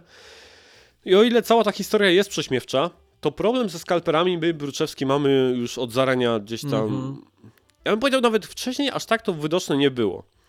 Dla mnie takim właśnie to Play 5 to na pewno był e, ogromne problemy skalperowe, zarówno Series X tak samo, e, natomiast o Play 5 najwięcej gdzieś tam na ten temat czytałem. Pamiętam też, że te wszystkie mini konsolki od Nintendo, to też mhm. E, były dramy związane właśnie ze skalperami tam. I jakoś tak od tego czasu, właśnie tam powiedziałbym 3-4 lata ostatnie, to jest taki temat, że bardzo głośno jest o tym scalpingu, e, jeśli chodzi o konsolę. I w sumie chciałem się do ciebie zapytać, właśnie takie pytanie mam. Czy widzisz jakiś sposób zabezpieczenia po prostu, to właśnie sprzedaży takich produktów, z którym czułbyś się ok, nie? Jakiś taki, którym po prostu nie byłby ani za bardzo rygorystyczny i tak dalej. Czy widzisz możliwość, żeby coś takiego stworzyć? O kurczę. To, to jest trudne pytanie. To jest trudne pytanie. Bo na pewno, na pewno właśnie e, jak pierwsza, pierwsza mieszka przychodzi, no to wiesz, limitowanie liczby sprzedawanej jednemu użytkownikowi, no ale skalperzy nie z takimi rzeczami sobie radzą i oni już są, to, to już potrafią tak, tak. minąć tak. Bez, bez żadnych problemów, więc mhm. ja się zastanawiam, czy, czy wiesz, jakoś jakieś rozwiązanie w stylu takim, żeby te, te limitowane edycje były na przykład udostępniane, te produkty jakby jakimiś seriami przez dłuższy czas, coś takiego, żeby, żeby ci skalperzy nie mieli właśnie takiej możliwości, że wiesz, że właśnie wykupią pierwszy jakby nakład i już później mogą na tym czysto zarabiać, tylko żeby cały czas musieli się jednak mierzyć z normalną, oficjalną dystrybucją, która jakby cały czas trwa. Nie wiem na ile by to pomogło, bo zakładam, mm. że cały, cały czas by pewnie też próbowali wykupywać z tej z tej oficjalnej dystrybucji. No, Czyli żeby leciało jest... transzami takimi, tak? Po tak, transzami, dokładnie. Coś, coś ten desen, mm -hmm. jeżeli miałbym jakiegoś szukać rozwiązania, ale ta cała sytuacja z tym właśnie Muzeum Van Gogha, jak czytałem relacje osób, które tam przyszły, takich rzeczywiście fanów, które chciały coś skorzystać sobie z tego, z tego wydarzenia i mierzyły się właśnie z takim tłumem, z tymi przechwalającymi się ludźmi, którzy, którzy właśnie kupili mnóstwo sztuk i już tam od, albo w ogóle na nich co chwila nagabywali, że chcą od nich odkupić właśnie za, jakąś, za jakąś kasę, przewierz, wielokrotnie wyższą nawet już, bo wiedzieli, że jeszcze na tym zarobią robią, to to jest smutne, że, że mhm. psują, psują e, rozrywkę właśnie i zabawę, zabawę w taki sposób ci skalperzy i to, i to chyba będzie tylko szło w gorszą stronę, no bo bo firmy właśnie tutaj czują zysk, zysk raczej na tych limitowanych edycjach wszelkich i to, i to tak jak powiedziałeś, zaczęło się od tego Playaka piątki, od tych małych konsolek Nintendo, ale widać mhm. po tych wszystkich kolekcjonerkach nawet, że, że są na to, jest na to popyt po prostu duży i to schodzi na pniu z reguły, więc y, no skalperzy tutaj czują, że, że to jest kasa no i, i nie będą raczej tutaj się powstrzymywać, żeby korzystać z tych opcji, żeby zarobić sobie jeszcze więcej, no bo, no bo chętni są i ludzie są nawet gotowi kupować za dużo większe kwoty, jeżeli już nie dostaną oficjalnej dystrybucji od takiego skalpera, więc to sami, sami trochę napędzamy ten, ten, ten proceder no. niestety. Właśnie, no, no, nie, gdyby nie było też osób, które by to tak. kupowały, to pewnie też nie byłoby tylu chętnych, żeby to gdzieś tam sprzedawać, nie? I, i, i tak dalej. Tym bardziej, że wiesz, no to jest lokalna gdzieś tam inicjatywa w muzeum w Amsterdamie, nie? Czyli no tylko i tylko tam i wyłącznie mogłeś dostać te rzeczy, nie? Więc to jest potencjalny rynek zbytu jest ogromny, nie? Tak, no, no każdy, kto nie mógł po prostu się znaleźć w tym muzeum i tak dalej, to, to miał gdzieś tam, tam pewnie chęć zakupienia tego. No ale jest to po prostu smutne. Ja też się zastanawiałem, co się da zrobić z tymi skalperami. Chyba Sony próbuje e, z tym coś robić, między innymi przez ten swój taki sprzedaż tą, e, z oficjalnej strony. Ja nie wiem, czy to działa w Polsce, czy nie, ale jest ten taki PlayStation Direct, tak, gdzie na przykład tam PSVR 2 można było kupować bezpośrednio z PlayStation tam sklepu i tam się trzeba po prostu logować swoim PSN-em. Nie, tak jakby Aha. trzeba mieć konto po prostu PSN e, i się to jakby zamawiało po prostu tam z oficjalnego sklepu, nie? No to jest jakieś rozwiązanie, nie? E, bym powiedział, no tylko, że to też pewnie jakoś ogranicza ich, nie? E, na pewno nie można tego zastosować do nowych e, tych potencjalnych klientów, tak, których się chce dopiero przekonać tam do, do założenia no konta, właśnie, czy, tak. coś, czy co, coś, coś takiego, nie? No ale takie właśnie kolekcjonerskie jakieś tam egzemplarze i tak dalej, to wydaje mi się, że to jest jakiś tam sposób, żeby to skorelować z jakąś tam większą platformą swoją, nie? Tam jakby wiesz, Nintendo też mogłoby e, jakoś to ograniczyć, że trzeba mieć jakieś tam konto e, swoje. Wiesz, no PlayStation też jest idzie w stronę tego, że może w przyszłości będzie miało taką możliwość. Pamiętaj, że pamiętasz tego newsa, że żeby dostać się na jakąś tam linię pomocy, wsparcia telefoniczną, czy coś takiego, to trzeba mieć ten czwarty level tego PlayStation Stars. Pamiętasz to może? Hmm, Tam było coś takiego, że jak po jeden z benefitów posiadania tak jakby tego ostatniego levelu PlayStation Stars jest mhm. to, że masz tak jakby dostęp do jakiejś linii szybkiego supportu e, w razie problemów czy troubleshootingu. teraz, mi, teraz mi zaczyna świtać, okej, okay, tak. Coś tak, takiego tak, tak. było, nie? Mhm. Więc mhm. widzisz, nie? Wcale bym się nie zdziwił, jakby na przykład rzucono jakąś kolekcjonerkę, jakieś gry i tak dalej i na przykład jest wymóg kupienia na przykład trzeci level tego, tego Starsa, nie? Albo tam drugi, na przykład PlayStation Stars, nie? Bo ten PlayStation Stars to on weryfikuje e, tak jakby to, czy jesteś człowiekiem. To mogę tak powiedzieć. Bo jeżeli tylko gracie na konsoli w cokolwiek, e, kupujecie czasem coś w PlayStation Store, to ja już tam chyba mam ten drugi poziom, nie? A ja w ogóle wszystko w pudłach kupuję. Nic nie kupuję w storze. Kupiłem ostatnio jedną grę na jakiejś tam promocji e, za 20 zł i od razu mi wskoczyło ileś tam tych punktów e, e, do przodu, więc nie trzeba się jakoś mega napocić, żeby ten czwarty poziom uzyskać. Więc dla mnie to jest właśnie chyba może nawet robione pod to żeby odseparować po prostu od te takie konta zakładane tylko po to, żeby na przykład je sprzedać na Allegro albo coś takiego, tak, bez pucharków, bez jakiejś tam historii, bez niczego, od faktycznych graczy, tak, od takich kont ludzkich, nie? A potem PlayStation może tych danych właśnie używać, że hej, wypuszczamy, nie wiem, limitowaną edycję jakichś tam tych paneli bocznych, nie wiem, na, na 25-lecie jakiejś serii, tak? I dostępne są z tego naszego sklepu PlayStation Direct, nie? No i żeby się na przykład je kupić, to musisz mieć ten drugi level czy trzeci tego PlayStation mhm. Starsa, nie?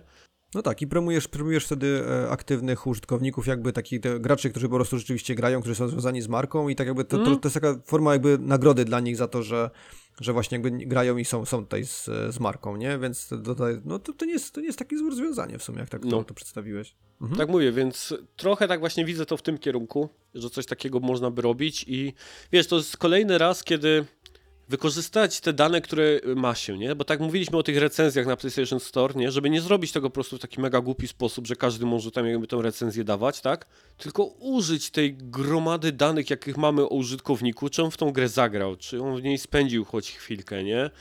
i, i, tak dalej, zanim będzie mógł na przykład gdzieś tam recenzję dodać, tak? No to tutaj to samo jest, tak? PlayStation może gdzieś na swoimi kanałami na przykład gdzieś tam umożliwić sprzedaż gier albo jakieś vouchery, na przykład na kupienie, nie wiem, sprzedawać vouchery, które można potem wykorzystać w sklepie Amazona do kupienia konsoli, nie? Albo coś tak, strzelam, tak? Jako pomysł, mhm. nie? Że logujesz się na stronę, dostajesz voucher z kodem i go możesz wykorzystywać w sklepie Amazon, nie? Na przykład jeżeli już nie chcą mieć E, swojej dystrybucji magazynów jakiegoś tam sprzętu, nie? To tylko mieć kody, które potem na Amazonie wykorzystują. Bank, masz rozwiązanie tak naprawdę, nie? I skorelować to z tymi PlayStation Stars, no i już jakoś tam się przed tymi skalperami e, e, usuwasz. Wiesz, jakbym miał myśleć nad jakimiś rozwiązaniami, to poszedłbym gdzieś tam w tym kierunku, nie? Ale to w sumie, wiesz co, e, taka pocieszająca myśl to jest na koniec, że może, może jednak coś się da z tym zrobić, z tymi skalperami. Tak jak, tak jak no. zaczęliśmy teraz rozmawiać, to jednak może, może to wyjście jest, bo jak na początku właśnie czytałem o tych newsach, tak sobie zacząłem o tym zastanawiać się, czy, czy tutaj możemy coś zrobić, to pierwsze takie było, że no kurczę, jesteśmy na straconej pozycji. Ale teraz jak tak chwilę pogadaliśmy, to, to nie jest jednak w sumie taki czarny scenariusz, że może, może jakieś światełko w tym tunelu jest. No, dokładnie tak właśnie. Też o tym tak myślałem troszkę i, i tak mi to wpadło gdzieś tam do głowy. Eee, dobra, teraz od ciebie newsik. Tak. Czy będziemy teraz za chwilę mieli gry powracające na weekend? Mhm. Pięć lat po zamknięciu serwerów i wyłączeniu sieciowego hero shootera z elementami MOBA, gry Gigantic, e, wróciła ona na weekend. Gearbox zorganizował w dniach 5-7 października Gigantic Throwback Event, e, zapraszając e, fanów do nostalgi nostalgicznego powrotu do gry. No i nie wiadomo jeszcze, czy to jest zapowiedź jakiegoś powrotu do gry, czy innego projektu, no ale, ale taka, taka dodatkowa atrakcja. I teraz powiem Ci, że dla mnie to jest całkiem, całkiem spoko pomysł, tak, tak mi się wydaje na pierwszy, na pierwszy rzut, e, rzut oka. Mm. I teraz mhm. pytanie, czy, czy jak ty się na to zapatrujesz? Czy to jest zapowiedź takiego nowego trendu i niedługo zobaczymy większą liczbę takich dawnych gier, które będą wracać na weekend? Co to jest Gigantic? Ja o tym nigdy nie słyszałem. No, ja, ja musiałem pogooglać. The Tragedy taki... of a Game Ahead of Its Time. Jakiś mm. taki materiał na YouTube, nie? Że tam gra mhm. Ahead of Its Time, What Happened to Oni Gigantic. chyba przed, przed Overwatchem jeszcze chyba, nie? Coś takiego. Tak, tak, co? z tego co tak zdążyłem szybko rzucić. Czy przed Overwatchem, czy tam w czasie Overwatcha to był ten cały, Battleborn, pamiętasz to? Battle, mhm, tak, To tak, Battleborn, tak, no. to też była, bym powiedział, no, strasznie niefortunna sytuacja, nie? bo tam ludzie to porównywali z Overwatchem, to w ogóle z Overwatchem mm. nie miało nic wspólnego. E, no, pechowa ja Battle... premiera tam była wtedy. Tak, ja w Battleborna pamiętam grałem chwilę w ten... Um, kurde, to były Warsaw Games Week, niby takie E3, takie ja tak warszawskie warszawskie Ja tak było. samo, też, też no, grałem na Warsaw Games Week. No i tam byłem właśnie i, i tam pograłem trochę w tego Battleborna i nawet to było takie tam spoko, nie? Takie tam, jak te, te PvE takie, mhm. nie? Było fajne, się tam szpilało. O Gigantiku nie wiem nic. Ja sobie w ogóle ten materiał, który tutaj niby gdzieś tam coś o tej grze mówi, to sobie gdzieś tam do, dorzucę do, do oglądanych. Ale wiesz co, dodając jeszcze tego Gigantika, bo ty mówiłeś, czy właśnie takie gry wracają, wydaje mi się, że to jest jakiś sposób, bo zobacz, co się dzieje z Titanfallem, bo myśmy o tym nie rozmawiali mm -hmm. na mhm. odcinku, e, czy rozmawialiśmy, czy nie, nie pamiętam, e, ale e, Titanfall nagle zaczął po prostu odżywać, dwójka, multiplayer, nie? Po pierwsze, tak, tak, tak. E, mhm. Respawn go zaczął aktualizować, bo tam straszny syf się zrobił, jeśli chodzi o e, cheaterów e, w Titanfallu w pewnym momencie był absolutnie niegrywalny, bo serwery były tak przepełnione gdzieś tam cheaterami, że nie dało się nic zrobić. I Electronic Arts gdzieś tam i, i Respawn zaczęło nad tym pracować i poczyściło gdzieś tam serwery, jakieś aktualizacje wy, wyszły i bardzo dużo osób zaczęło grać e, w niby gdzieś tam w multiplayera Titanfalla 2. Do tego doszło, że właśnie gdzieś ostatnio słyszałem, że są jakieś przecieki, że nawet ma być Shadow Drop trójki. Wiesz, na takiej zasadzie, że no i gra wychodzi na przykład jutro, nie? Albo tam na przykład, czy tam za tydzień premiera, czy coś w tym rodzaju, że, że trójeczka, bo tam jakieś takie jakieś plotki chodzą o tym, ale są tak niesprawdzone, że nawet niech nie wrzucałem tutaj. Więc wydaje mi się, że to jest nowy sposób na to, że ludzie, że wydawcy gdzieś sprawdzają jakieś e, mhm. tytuły, tak jakby, wiesz, taki gigantik, albo taki Battleborn, nie? Okej, okay, wyszedł w jakimś niefortunnym czasie, tak, tak, konkurował z jakimś wielkim tytułem, nie miał szansy gdzieś tam zaistnienia, no ale jest, istnieje. Wystarczy zbudować odpowiednią kampanię marketingową, tak, gdzieś tam, zapłacić, nie wiem, jakimś top 3 streamerom, tak, żeby zrobili sobie weekend z Gigantikiem. Co im szkodzi, nie? Ta, gra jest, tak Spróbować, jakby, nie? Hajs no. przeleciał. E, no, więc jest to bardzo ciekawe. E, czy, że, czy, mi wydaje mi się, że dosyć sensowny pomysł, tak z mojej perspektywy, nie? Na, na, na, na jeszcze spróbowanie czegoś, tak? Jeszcze raz. No właśnie też tak też tego, tego podszedłem, jak tak wreszcie wiesz, zobaczyłem tego newsa i tak zacząłem od razu sobie myśleć, kurczę, ile, ile tak naprawdę gier właśnie miało taki niefortunny start, albo coś trafiło w jakiś na zły moment po prostu i, i mogłoby teraz wrócić, bo raz, że na zasadach nostalgii, bo ludzie lubią sobie wracać do dawnych rzeczy i na przykład jakby się mhm. okazało, że możesz do, do, czegoś takiego sobie, sobie wrócić, no to kto by nie skorzystał, na weekend jeszcze tym bardziej, wiesz, bo taka na chwilę moment, nie musisz się za bardzo odrywać od swoich jakichś tam tytułów, które ogrywasz, tylko sobie sprawdzasz, a poza tym właśnie tak jak mówisz, to jest opcja przetestowania, czy jest grupa docelowa, żeby danego tytułu mm. nie przywracać jakoś na dużą skalę, tylko robimy sobie na chwilę testy. No. Ja, się, ja tak myślę, że to może być takie przetarcie szlaku i za chwilę możemy zobaczyć większą liczbę firm i wiesz, producentów i wydawców, mm -hmm. którzy będą szli w tą stronę. No dokładnie tak. Szczególnie takich tytułów, które wiesz, na przykład w ogóle zostały zniknęły i, i to nie tak, że wiesz, było jakieś tam 10 graczy tam pik co, codziennie, e, czy coś takiego, tylko zupełnie zniknęły, bo tak ten Gigantic został zupełnie gdzieś tam usunięty, Battleborn gdzieś tam jest kolejnym takim tytułem. Jest to jakiś ciekawy pomysł, e, muszę powiedzieć. Tak, widzę tutaj od razu drugie pytanie, które wrzuciłeś. Czy jakiś tytuł sprzed lat, który chętnie byście sprawdzili w takiej formie, który gdzieś tam ten. Wiesz co? Takie tytuły, które e, bym chciał, żeby dostały drugą szansę jakiegoś takiego większego rozgłosu.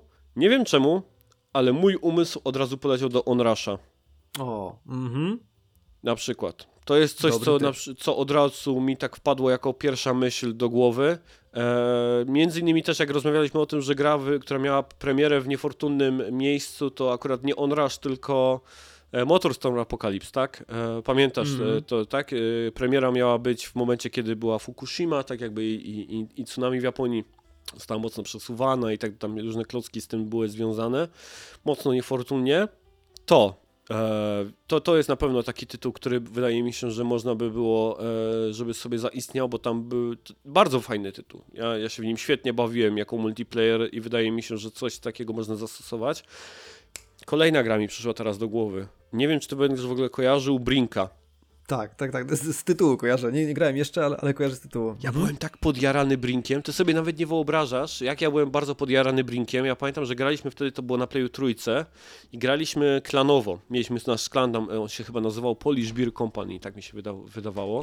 E, Pi piwosze się, nazywa e, się zwaliśmy E, i ja wtedy pamiętam, że pół klanu na tego Brinka namówiłem. Będziemy w to szarpać, będziemy grać, to będzie następny tytuł klanowy, nie? Zobaczycie i tak dalej, będzie to hitier i tak dalej. I na premierę chyba kupiło pół klanu ten, ten, ten tytuł. I ta gra wyszła w momencie, kiedy leżał PSN. Gra, która nie ma singla i opiera się tylko i wyłącznie na walce z P P e, PvP. Jedynym trybem grania z botami był trening e, i to wszystko. I ta gra po prostu zniknęła i nie miała szansy w ogóle zaistnienia. A to był, kurde, a shooter to był, oczywiście z pierwszej perspektywy. Miał taką grafikę trochę cel shadingową, komiksową. Bardzo ciekawy art style, taki bym powiedział trochę Dishonored. Eee, jeśli chodzi o budowę bohaterów, jak kształt, sylwetek, twarzy, Mhm. to mi się i Dishonored mocno gdzieś tam mi się kojarzył z tym. E, I tam był parkour, był super zrobiony. E, na zasadzie takiej, że można było od ścian się odbijać, a la Prince of Persia, tam lewo, prawo, lewo, prawo, tak dalej. E, były ślizgi pod przeszkodami, pod jakimiś tam tak dalej. E, przeskakiwać można było przez różnego rodzaju tam płoty, nie płoty, e, skrzynki, tak wiesz, na jednej ręce, ciągle strzelając. Super, ja bym powiedział. Kurde, jak to z zapowiedziami, to naprawdę miało mega potencjał, żeby zaistnieć jako gra multiplayer i strasznie niefortunną miałą premierę. Więc e, no, to jest taki drugi tytuł, który mi teraz przyszedł do głowy. Ale, Ale to by było genialne. Coś, tak, coś takiego, No. wiesz, na weekend, jakby właśnie powiedzieli, że nagle taki, robią taki evencik, że to wraca, to kurczę. No, Fajny, fajny skorelować pomysł. to z jakimś PlayStation Plusem, żeby na przykład darmowo każdy Mhm. na przykład gdzieś tam wleciał i, i spróbował, żeby nie było trzeba na przykład coś tam kupować czy co. Jak najbardziej tak jestem. No, na, ta, na, na tego rodzaju rzeczy. A tobie chodzi coś po głowie? Jakiś taką, taka produkcja Wiesz albo co? tytuł? Teraz od razu powiem, bo mi przypomniałeś, jak tego Brinka wspomniałeś, to ja z kolei e, z playaka trójki The Club, Mm, też taka, też taka strzelanka nastawiona O na rywalizację kurde, wieloosobową teraz- z deathmatchami. tak, tak, tak, tak. No, no, no, to tam, tam był też świetny motyw. Pamiętam, że trochę, ja, ja na split screenie akurat głównie to katowałem, to, to świetnie się strzelało. O, to było genialne, właśnie jak takie kanapowe multi robiło robotę, więc... A miało też motyw, motyw, moduł sieciowy, jeśli dobrze pamiętam, więc to też Mhm. mogłoby sobie wrócić na taki weekend do pogrania.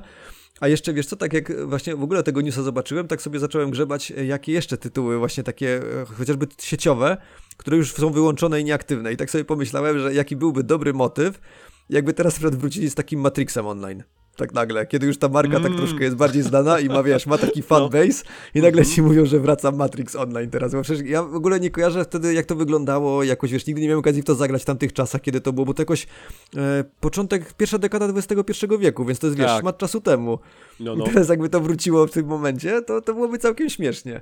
Jeszcze tak ogólnie z wyobraźnią, to, to poszedłem nawet krok dalej, e, co moglibyśmy zrobić, bo tak sobie wyobraziłem, jak byłoby fajnie, jakby właśnie oficjalnym, oficjalnymi kanałami takim właśnie, żeby dało się to łatwiej pograć, nie trzeba było kombinować tam z prywatnymi serwerami, dało się wrócić do na przykład gier z Playaka dwójki, które miały te swoje sieciowe tryby i na Mhm. przykład zrobić sobie weekend, że wszyscy możemy sobie ponapierdzielać pierwszego Killzona albo pościgać się w Barnaucie trójce właśnie, to, to dla mnie to działa od razu na wyobraźnię, więc to też byłoby spoko No. opcja. To, to, to może już trochę dalej od, odchodząc od tego właśnie tej głównej wizji, która była w tym Mhm. newsie przytaczana, ale, ale też fajne, też fajne, wydaje mi się, że to mógłby być kierunek taki, wiesz, znowu większe granie na naszej nostalgii, ale teraz jeżeli to działa, to myślę, że producenci i wydawcy mogliby się na to zdecydować. No.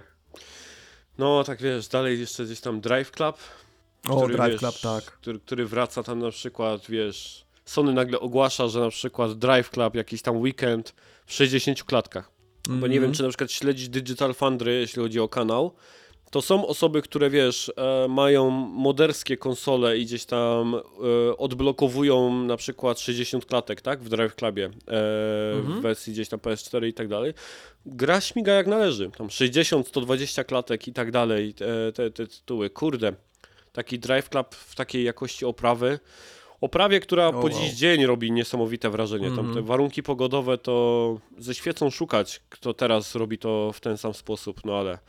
I też jaką miał premierę, nie? Eee, niefortunną, więc teraz, kiedy ten tytuł No. zupełnie zniknął, znowu nie jest nigdzie dostępny, zaskoczyć graczy tak po prostu nagle, że jakimś tam, hej, macie 48 godzin, żeby pograć w ten tytuł, nie? Tylko i wyłącznie. Właśnie to jest kolejna rzecz, bo tak już, wiesz, kończąc ten, ten news, to też fajnie o tym powiedzieć, że to by też tak działało motywacyjnie, nie? Wiesz, że, że masz 48 godzin i ta gra znika. To jest tak trochę jak... FOMO, nie? Tak. No, to jest tak trochę jak ten. em, są sklepy, które na przykład gdzieś koszulki sprzedają z jakimiś tam fajnymi tam grafikami z Dragon Balla i tak dalej, nie? Ale masz na przykład 48 godzin, żeby ją kupić i potem ten wzór znika, nie? Tak jakby nie możesz już potem koszulki kupić, nie? No to strasznie na FOMO działa i, i, i ten, więc yy, można by w ten sposób nawet na graczy gdzieś tam zareagować, nie? Więc całkiem fajny, fajny newsik. Zobaczymy, czy coś z tego dalej wyjdzie, czy No. będziemy teraz widzieć więcej takich, takich gi- gigantików wracających. No, dokładnie tak. To lecimy dalej teraz. Teraz e, smutny chyba news, bo będziemy ocierać się z po Fifie e, dolarami, co prawda, ale, ale tak. Financial Times poinformuje, że 6,8 miliona graczy, prawdopodobnie na wszystkich platformach, wzięło udział we wczesnym dostępie gry EA Sports FC24 i stanowi to 25% wzrost w porównaniu do FIFA 23. Mhm. E, tutaj dodajmy tylko gwiazdka. Okres wczesnego dostępu dla, dla tej EA Sports FC24 wynosił 7 dni, dla FIFA 23 były to 3 dni. E, Mhm. Ale mimo wszystko, biorąc pod uwagę, że jedynym sposobem na uzyskanie tego wczesnego dostępu do gry był zakup Ultimate Edition, to EA właśnie na tym, na tym właśnie samym Early Accessie zarobiło 680 milionów dolarów. E, No i teraz jeszcze też się pojawiły już informacje, właśnie później to sobie zaktualizowałem nawet tutaj treść tego newsa, Mhm. że EA Sports FC24 przyciągnęło ponad 11,3 miliona graczy na całym świecie, e, w tym za pośrednictwem EA Play w ciągu pierwszego tygodnia. To, jest, to są dla mnie takie, takie horrendalne liczby. I dorzuciłem aż do tego wszystkiego pytanie, czy nie dziwicie tutaj, że tak mała liczba chętnych próbuje ugryźć kawałek takiego tortu? Bo to są przecież takie liczby, że... Znaczy wiesz, no to też FIFA jest bardzo specyficzna, nie? Wiesz, to, to nie każdy tytuł sobie może pozwolić na to, żeby robić tam early access i... Znaczy, o early accessach to gadaliśmy, nie? Że to, to Tak, będzie ale, ale popularne... samych, a samych piłkarskich, tak jak wiesz, ty, bo nawet na ten tort chodzi mi o gry piłkarskie nawet tak konkretnie. A, to mówisz, wiesz, że tutaj... że, że tort e, ten, piłkarski, a, a nie ten. Kurczę, to jest Mhm. zawsze trudne, bo tam też ludzie na przykład często mi wspominają o tym, że dlaczego Sony nie robi handhelda, nie? Przecież wiesz, e, tylko Nintendo w tej sferze i działa, nie? I tak dalej. Przecież to jest, to jest taki potencjał, nie? I tak dalej. Ja mówię, no tak, oczywiście. Już widzę, jak wszyscy się zabijają po to, a jak Sony po prostu ma kolejny e, development system, na który musi wspierać i, i robić gry i tak dalej, nie? To, to, to na pewno gdzieś tam się wszystko uda.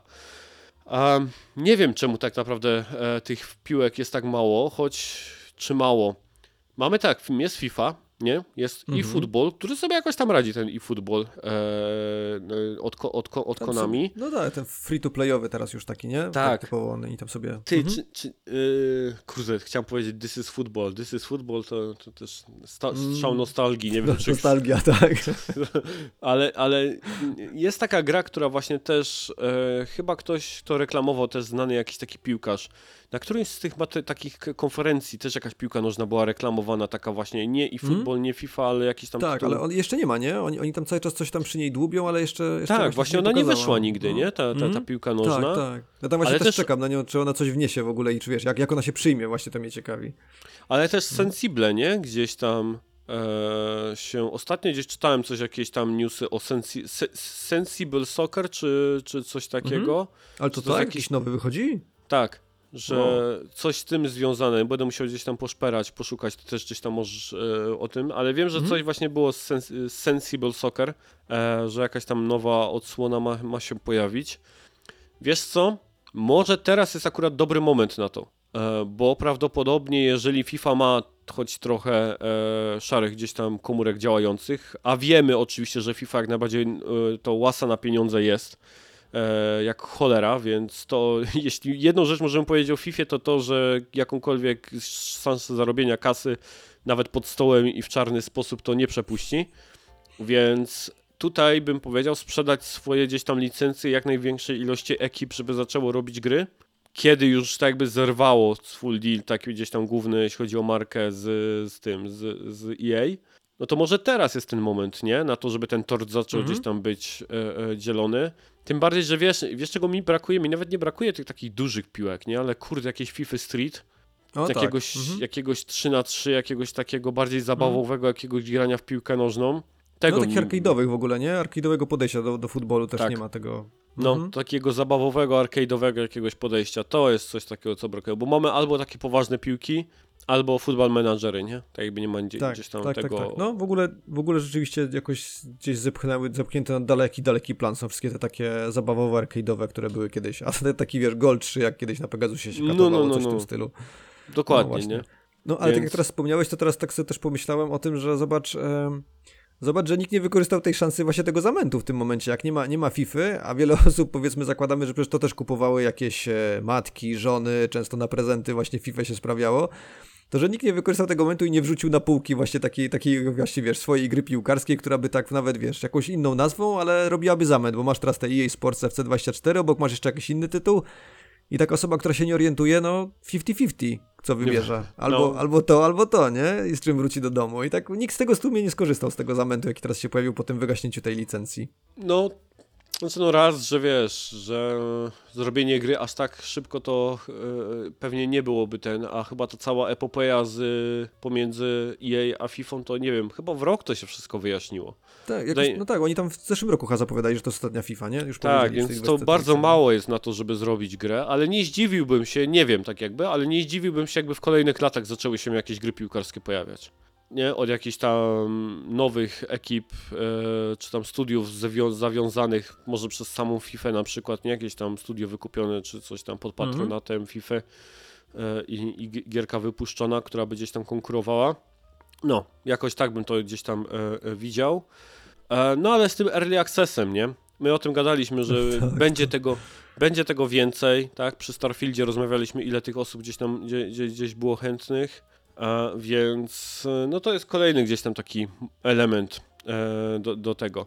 Choć przy tym Early Accessie to też warto powiedzieć, że często to się właśnie tak jest tutaj ten Ultimate Edition, nie? To nie jest tylko gra i ten Early Access, tylko tam tak. pewnie są jakieś tam karty, mhm. czy tam te, do, do tego Ultimate Teamu, nie? Tak jakby mhm. coś tam no się tak, jeszcze tak. dostaje tam więcej, nie? Tak samo przy Starfieldzie, tam chyba DLC pierwsze jedno czy dwa E, były od razu. Ciekawe by było, ciekawe by było, jakby ktoś zrobił takie właśnie badanie, jaki był powód, dla którego kupowałeś te Ultimate Edition wśród, wiesz, wśród tych kupujących, czy właśnie, co, co, cię, co cię nakłoniło do tego, nie? I czy właśnie osoby by mówiły, że, że to kwestia tego właśnie jakichś tam innych dodatków, czy to ten Early Access ich głównie przekonywał? Co, no. co mnie zastanawia? No, co było tym by, powodem? To by było ciekawe, nie? To można było nawet skorelować z grą, nie? Wiesz, odpalasz grę i tak, mhm. hej, dzięki za zakup Ultimate Edition. By the way, mamy szybkie pytanie, nie? Wybierz opcję, która cię skłoniła do zakupu, nie? I tam... Mhm. Więc... Dokładnie jakoś by było można te badanie rynku zrobić. No ale liczby jakie wykręca ogromne, nie? Ale to, no to jest FIFA. To, to, to jest tak, tak samo trochę I cały jak, czas wiesz, rośnie. Tak, to jest tak samo trochę jak wiesz, jak rozmawianie, czy nie skopiować modelu biznesowego Nintendo. No tak, tak. możesz. Go for it. Dobrze, kolejny news. E, co, co z tym demem Robochłopie? Tutaj mamy mhm. kolejny, kolejny, kolejny newsik, więc e, na PC-tach wylądowało demo polskiego FPS-a Robocop Rogue City. E, no i wylądowało z problemami technicznymi i takimi związanymi z wydajnością. I do, co do tego jeszcze możemy dodać, wersja demonstracyjna waży 49 giga i zawiera trzy pełne poziomy gry. E, komentarz producenta studia Tejon na w reakcji na te właśnie problemy to chcielibyśmy odnieść się do problemu z wydajnością, z którym mieliście do czynienia w ostatnich godzinach w wersji demo. Chociaż mm. były to nieprzewidziane, zapewniamy, że cały zespół pracuje nad poprawkami w trakcie pisania tego tekstu i mamy nadzieję, że będziemy w stanie ustabilizować sytuację w nadchodzących dniach. Wydaje się, że źródłem problemu jest kompilacja shaderów, czyli tutaj no, granie na PC-tach to kolejne się tutaj rozkłania, że ma to swoje, ma to swoje niestety, ale tak się zastanawiam właśnie, że, że dziwna sytuacja ogólnie, jak dla mnie, że wiesz, wy, mm. wydaje twoje studio demo, które powinno jakby tutaj nakłonić do zakupu i ma jakby sprzedać sprzedać w ogóle grę, żeby, żeby pojawili się klienci, no i to demo nie działa tak dobrze, jak powinno działać. Każdy ma jakieś takie błędy, które, które od razu sprawiają, że zaczynasz się zastanawiać, co się dzieje. Bo tak dodajmy gwiazdkę, że ogólnie to podobnież jest spoko gra, że nawet ci osoby, które grały, osoby, które grały, tak. to oceniają to, że całkiem nieźle to wypada, że trzyma klimat ten, tego filmu, który tam był i ma, mhm. ma naprawdę zrealizowany jakoś tam sensownie, no tylko te błędy, które psują, psują zabawę. I to, taki to trochę dziwi, boomer szczerze, shooter, że... nie? Tak jak dużo mhm. osób gdzieś to opowiadało. Tak, tak, taki tak. trochę na szynach, taki, e, taka rozwałka gdzieś tam, akcja kanapowa E, z piwkiem gdzieś tam w ręce do ogrywania. Wiesz, e, e, odnosząc się do tego, co ty powiedziałeś i od razu odpowiadając na te pierwsze pytanie, czego oczekujecie po mm -hmm. gry, co powinno cechować dobre demo, no to pierwsze, żeby działało, nie? To to jest, bym powiedział, wiesz, już nie wymagajmy no, tak od myślę, gry, że... żeby działało, bo tak już teraz wszyscy się za głowę łapią z tego, co powiedziałem, także nie wymagajmy od gry, żeby działała, ale demo mogłoby. Nie no, to jest pierwsza rzecz, że demo jest porobione po to, wszyscy oczywiście wiemy, żeby zainteresować graczy swoim produktem, nie? Więc raz, że od strony wizualnej i rozgrywki musi pokazywać czym będzie ta gra, nie? Na jakiś taki moment vertical slice, czy jakiś taki e, se segment gry, który będzie pokazywał tak jakby hej, jesteśmy shooterem, tak, z takim i takim klimatem, to głównie będziesz gdzieś tutaj robił. Patrz jaka wyczesana akcja, będzie tego więcej w pełnym produkcie, nie? Coś coś w, w, w ten deseń. A, ale no, to działanie i to, żeby po prostu nie było problemów, tak, no to to jest gdzieś tam w pierwszej kolejności, choć no trudno mi to powiedzieć, nie, no granie na PC to jest swój świat, swoje kredki i tam się takie rzeczy dzieją, że ja wspominałem o tym, że grałem w Battlefielda gdzieś tam z tymi moimi e, kumplami i oni tak zupełnie, wiesz, e, na spokojnie rozmawiali ze sobą i o, gra mi się wywaliła, dobra, czekajcie chwilę, zaraz wrócę, nie? Albo coś tam, ładujemy się, no. ładujemy i tak dalej, no nie, dobra, okej, okay, dobra, mam zwiechę, to ja już resetuję tam grę, nie? Czekaj, już ja tam jestem tam w Steamie i wiesz, tak jakby to była taka codzienność, nie? Chleb powszedni, że im się gra po Chleb prostu wypier tak. wypierdala gdzieś tam do OS-a, nie? I trzeba ją po prostu gdzieś tam włączyć ten na nowo, nie? I tak mówię, no kurde, fajnie, to po prostu ja może nie żyję w tym świecie, nie rozumiem, jak to gdzieś tam wszystko e, działa i wygląda. No ale też e, fajnie ważyła sobie to gry, nie? E, Właśnie, rozmiar... nie? Ja, ja, coś, ja coś mnie minęło w ogóle, bo ja nie wiem, ja się zatrzymałem na czasach, kiedy demka to były takie dużo mniejsze i nie wiem, czy ja te, zacząłem się zastanawiać serio, czy ja coś przegapiłam, bo 49 giga demko, wow. No wiesz, to się to może trochę łączy z tymi problemami technicznymi, bo tam wygląda, że po prostu coś poleciało pewnie bez kompresji albo w jakimś bardzo takim, wiesz, jak pierwszym gdzieś tam e, stanie, tak jakby ta paczka, nie? Tak jakby kodu e, i właśnie shaderów, e, wiesz, tak jakby nie przeszła tego procesu, który normalnie mhm. przechodzi gra, tak? Po to, żeby właśnie odpowiednio wszystko skompresować, skompilować do wersji takiej mieszczącej się w jakichś tam sensownych rozmiarach, że taka, wiesz, taka mocno surowa, tak przynajmniej wygląda po mhm. tym rozmiarze, że takim mocno surowym stanie gdzieś to demko wyleciało.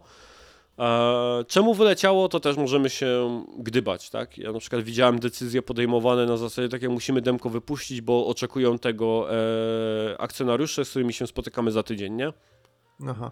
Więc wiesz, na przykład, nie wiesz, jest za tydzień spotkanie, będziemy rozmawiać na temat jakichś gdzieś tam postępów, nie? Demko musi znaleźć się na, na, na storze, nie? Więc czytałem o takich gdzieś tam rzeczach, więc może coś takiego się gdzieś tam wypuściło. A jeżeli to jest jeszcze nowe studio, e, jest IP, które nie jest ich prawdopodobnie, ktoś kontroluje to IP, więc może oczekiwał po prostu demka w konkretnym miejscu, w konkretnej dacie, nie? Wypuszczonego, może tak więc... Być, rzeczywiście.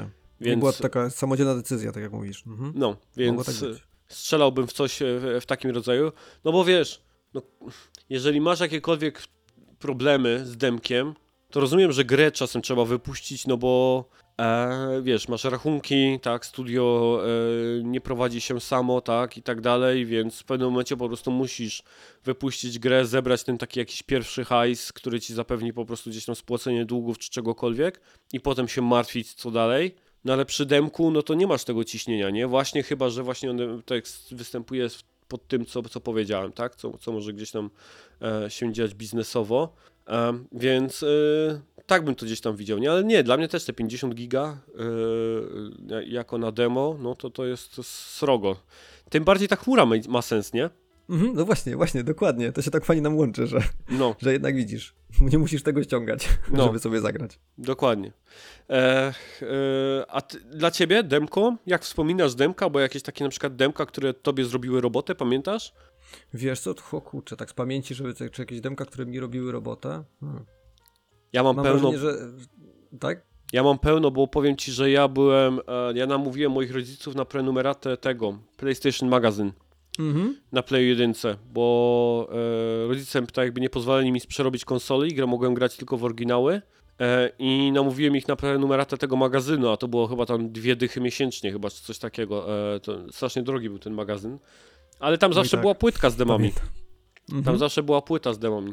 To był dla mnie, wiesz, to mnie ratowało, nie? Tak naprawdę w tamtych czasach, e, wiesz, jeden tor w jakiś tam e, Micromaniacs, pamiętasz te takie wyścigi z góry, takich Mhm. ludków?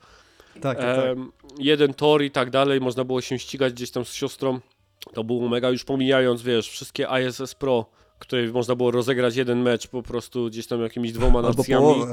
Ale to, albo, albo połowę, tak. No ale to wystarczyło, nie? Tak jakby jeden mecz, No, jedna połowa, tak. nie? I powtarzać w nieskończoność, nie? Kurczę. No przecież pamiętam chyba e, tą wersję AC Pro 98, tam co te właśnie śmieszne buźki symbolizowały formę właśnie, takie Tak, były tam tak, w, tak, tym tak, wyborze tak. składu, tam było w demku Francja, Brazylia i tam połowę się chyba grało, to o Jezus Maria, nie pamiętam ile razy to było ten, No. ten mecz rozgrywany, ta połówka właśnie. Tak, tak, to było ISS Pro, tam super, super coś tam Evolution, tam długi jakiś taki tytuł był, 9.8 coś tam. International Superstar Soccer 9.8, chyba tak była pełna nazwa, tak, nie? Tak, Tak, mi się, tak, tak, tak. chyba tak, tak Dokładnie. się kojarzy. Jesus Christ, wszystkie młode osoby, które nas słuchają, nie, teraz się za głowę łapią. Jacy boomerzy, Co oni- pierdolą, jakie 9.8, nie? Przecież taki rok nie istniał. Jakie płytki z demami, gdzie? Jakie płytki z demami? Jakie płytki w ogóle? Co oni, kafle gdzieś tam kładą w lodów? No, więc e, tak, teraz pozdrawiamy wszystkich gdzieś tam młodych Tak. graczy. A, no, ale wiesz, na przykład też demko mi się na przykład gdzieś przypomina też tego, e, WWS SmackDowna, gdzie była, wiesz, czterech e, przeciwników do wyboru i można było pełną gdzieś tam e, starcie, nie, tam rozegrać. To kurde, jak ktoś miał multitapa, cztery pady, tam Mhm. czterech różnych wrestlerów i normalnie można było się naparzać, nie? Co z tego, że tylko jedna arena i tam tylko ci cztery i tak dalej, to taka mała gra była. E, Ale to dokładnie, demko. to, to były najlepsze, najlepsze demka to były właśnie w sumie, jak tak powiedziałeś, takie bijatyki, sportówki, coś takiego, bo to właśnie, wiesz, taka no, mi, mini wersja po prostu gry, w którą można było sobie katować później długimi tygodniami tak naprawdę, więc No. no to... Ja Tekena trójkę pamiętam, też tak katowałem, o Jezu, bo też był e, Eddie i Xiaoyu, chyba tylko dwie postacie i jedna arena i cały czas też to no, non-stop płytka w No. napędzie i Ale to- katowało się godzinami. Ale to wraca do tego nie tak jakby czym demką powinno być, nie? No powinno sprzedawać tą główną ideę gry. Nie? Tak Mhm. jakby em, oczywiście nie spoilując na przykład gdzieś tam fabuły, nie? Czy czegoś takiego, tak jakby nie robiąc gdzieś jakichś gdzieś spoilerów. Tak, to, to jest gdzieś tam jedna, która mi chodzi po głowie. No ale pod kątem rozgrywki powinno bardzo wyraźnie tak jakby zaznaczyć, czym ta gra jest. Nie? Co się będzie robiło, czy to będzie bijatyka, czy to będzie jakieś tam wyścigi, tak? Czy jeżeli to będzie piłka nożna, tak? I, I tak dalej. To żeby to jakoś gdzieś tam e, pokazywać. No i to też w takiej formie bym powiedział, hmm, wiesz, żeby to też nie było tak, że na przykład to jest gameplay z pierwszych 15 minut, e, czy coś takiego, bo często pierwsze 15 minut to my się dopiero rozkręcamy, nie wiesz, zanim zdobędziemy moce i, i, i tak dalej, to wszystko. Mhm. Dlatego, na, dlatego te demka potem odeszły, no bo przygotowanie ich było trudne, nie, no bo to musisz z jednej strony dać graczom na przykład gdzieś tam wszystkie moce i tak dalej, ale też na przykład musisz, nie wiem, zrobić tutorial w środku gry. Nie, no bo wiesz, w demku powinieneś gdzieś tam wiedzieć, nie, jak czego używać i tak dalej, a, a nie miałeś szansy tych, dowiedzieć się tych rzeczy z poprzednich godzin grania. Musiałeś jakoś gracza w to wprowadzić, żeby na przykład, nie wiem, odpala demko i mówi, ale ja nie mam pojęcia, co tu trzeba robić, nie, co, gdzie, jak się tam, ten, tak dalej, głupia gra, nie kupuje tego, nie. Więc przygotowujesz taki jakiś tam specjalny tam wyrywek w środku gry z tutorialem i to kosztowało gdzieś tam studia dużo tam efortu, kasy i wszystkiego, więc są to gdzieś tego ode- odeszli, nie? Dodatkowa robota tak naprawdę to była, nie? Bo to nie jest tak, że wycinali sobie coś, co już mieli gotowego i tylko dawali jako demko, tylko musieli już Mhm. przygotować jednak jakby coś, coś w ogóle osobnego. No. To tak jak z tymi preskami na E3 różne, nie? Co zawsze musieli szykować Tak. coś czasami, coś czasami osobnego. Mhm. Do, dokładnie tak. No te time triale dla mnie są ciekawym gdzieś tam rozwiązaniem, nie? Że tam odpal grę, tam masz na przykład, w zależności od gry, masz tam godzinkę, pół, czy tam dwie Mhm. na przykład na, na pogranie sobie, nie? I potem się zdecyduj, czy chcesz to e, kontynuować, czy nie. To jest dla mnie coś Z- takiego Z spoko. drugiej strony trafisz takiego Metal Geara, gdzie, gdzie pierwsze dwie godziny to są stawki i, i dialogi i nie pograsz. No ale przynajmniej wiesz, czym gra jest. No, Kojima. O, kolejny news też od ciebie. Dużo tutaj narzucałeś teraz. Mhm. No właśnie, co, co mnie napadło? Kolejny news to niezaspokojone potrzeby niepełnosprawnych graczy. E, mhm. Twórcy gier wideo e, nie robią wystarczająco dużo, aby zaspokoić potrzeby niepełnosprawnych graczy, jak wykazało badanie przeprowadzone przez Samsung. E, ankieta przeprowadzona wśród 500 dorosłych osób niepełnosprawnych fizycznie i umysłowo, którzy grają w gry wideo, wykazała, że 81% z nich miało trudności z graniem w swoje ulubione tytuły z powodu niedostępnych funkcji. Konkretne problemy obejmowały brak konfigurowalnych opcji sterowania, to było 21%, trudny do odczytania tekst 33%, szybkie tempo rozgrywki 34% i migające efekty świetne 31%. I w rezultacie 39% osób zostało zmuszonych do przerwania gry lub jej całkowitego porzucenia. Mhm. To akurat takie wiąże nam się trochę z tymi tematami, które mówiliśmy wcześniej o tych audiodeskrypcji, chociażby w Mortalu, e, ten motyw z Forcy, e, który tam właśnie opowiadałeś e, na poprzednim chyba raporcie. Mhm. I ten właśnie to chociażby też ten projekt Leonardo, nie? O którym tam mówiliśmy, ten specjalny kontroler przygotowany przez Sony. No to też no, ostatnio na kanale krok. PlayStation się pojawił cały film e, przedstawiający proces, jak on powstał, e, ten Accessibility mm. Controller. 10-minutowy materiał w ogóle. warto obejrzeć. Ja sobie tak, wrzućcie sobie go po prostu gdzieś tam do zobaczenia. Naprawdę, ja, ja byłem w szoku, jak wiele e, pracy weszło w ten kontroler.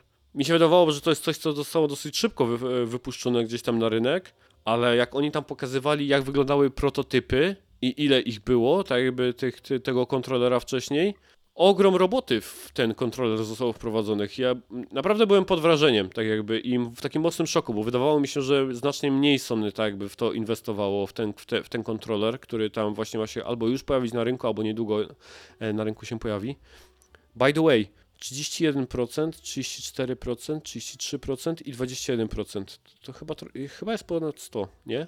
Wiesz co, bo to chyba jest tylko tak, że oni mieli, mogli wybrać chyba różne opcje, tak A, okej, okay, nie dobra. było tak, że mieli, wiesz, że mieli jedno Wielokrotnego tylko, wyboru. Typowali, tak, typowali tak, sobie różne rzeczy, które Chciałem tylko zabłysnąć tam matmą, nie? Tam Bartka nie ma, to mogłem tam poszaleć tutaj, ale... Oj, kurde, wjechałem ci znowu. No, tak, i znowu nie wyszło. Ej, zepsuł. Znaczy, powiem ci szczerze, że tak jak, bo e, pytasz, jak tam się zapatrujemy na te wyniki gdzieś tam mhm. ankiety, to ja w pierwszym momencie tak trochę sobie pomyślałem, kurde, my naprawdę zrobiliśmy dużo w ostatnich latach. I jak mhm. sobie pomyślę, ostatnie tam powiedzmy na przykład te 4-5 lat, kontra to jakby całe moje życie gamerskie, jakie było w przeszłości, jak wyglądało i tak dalej, to teraz jest kolosalne są kroki do przodu robione tak naprawdę. Jest po prostu jest tak wysoko postawione gdzieś tam ten yy, jakby progresja tego, żeby gdzieś tam umożliwić graczom e, granie gdzieś tam w gry. No ale też trzeba powiedzieć, że też nie robią tego wszyscy. I my tutaj głównie mówimy o tych szczególnie tytułach first party Sony i Microsoftu. Bo Microsoft też, jeśli chodzi o Force i te inne tytuły, to też bardzo do przodu jest z tymi e, ułatwieniami dla graczy gdzieś tam z niepełnosprawnościami. Sony generalnie też robi ogrom roboty e, w tym gdzieś tam e, aspekcie. Zresztą te firmy się w ogóle wymieniają tymi nagrodami. Tam pamiętam, że ostatnio chyba Forza wygrała tam chyba podczas The Game Awards, wcześniej mm właśnie gdzieś tam Insomniac chyba nawet za Spidermana, czy jeszcze, czy, czy, czy za Ratcheta, nie pamiętam. No ale tak jakby te, się wymieniają, nie? Totalnie na to wyrąbane ma Nintendo, nie?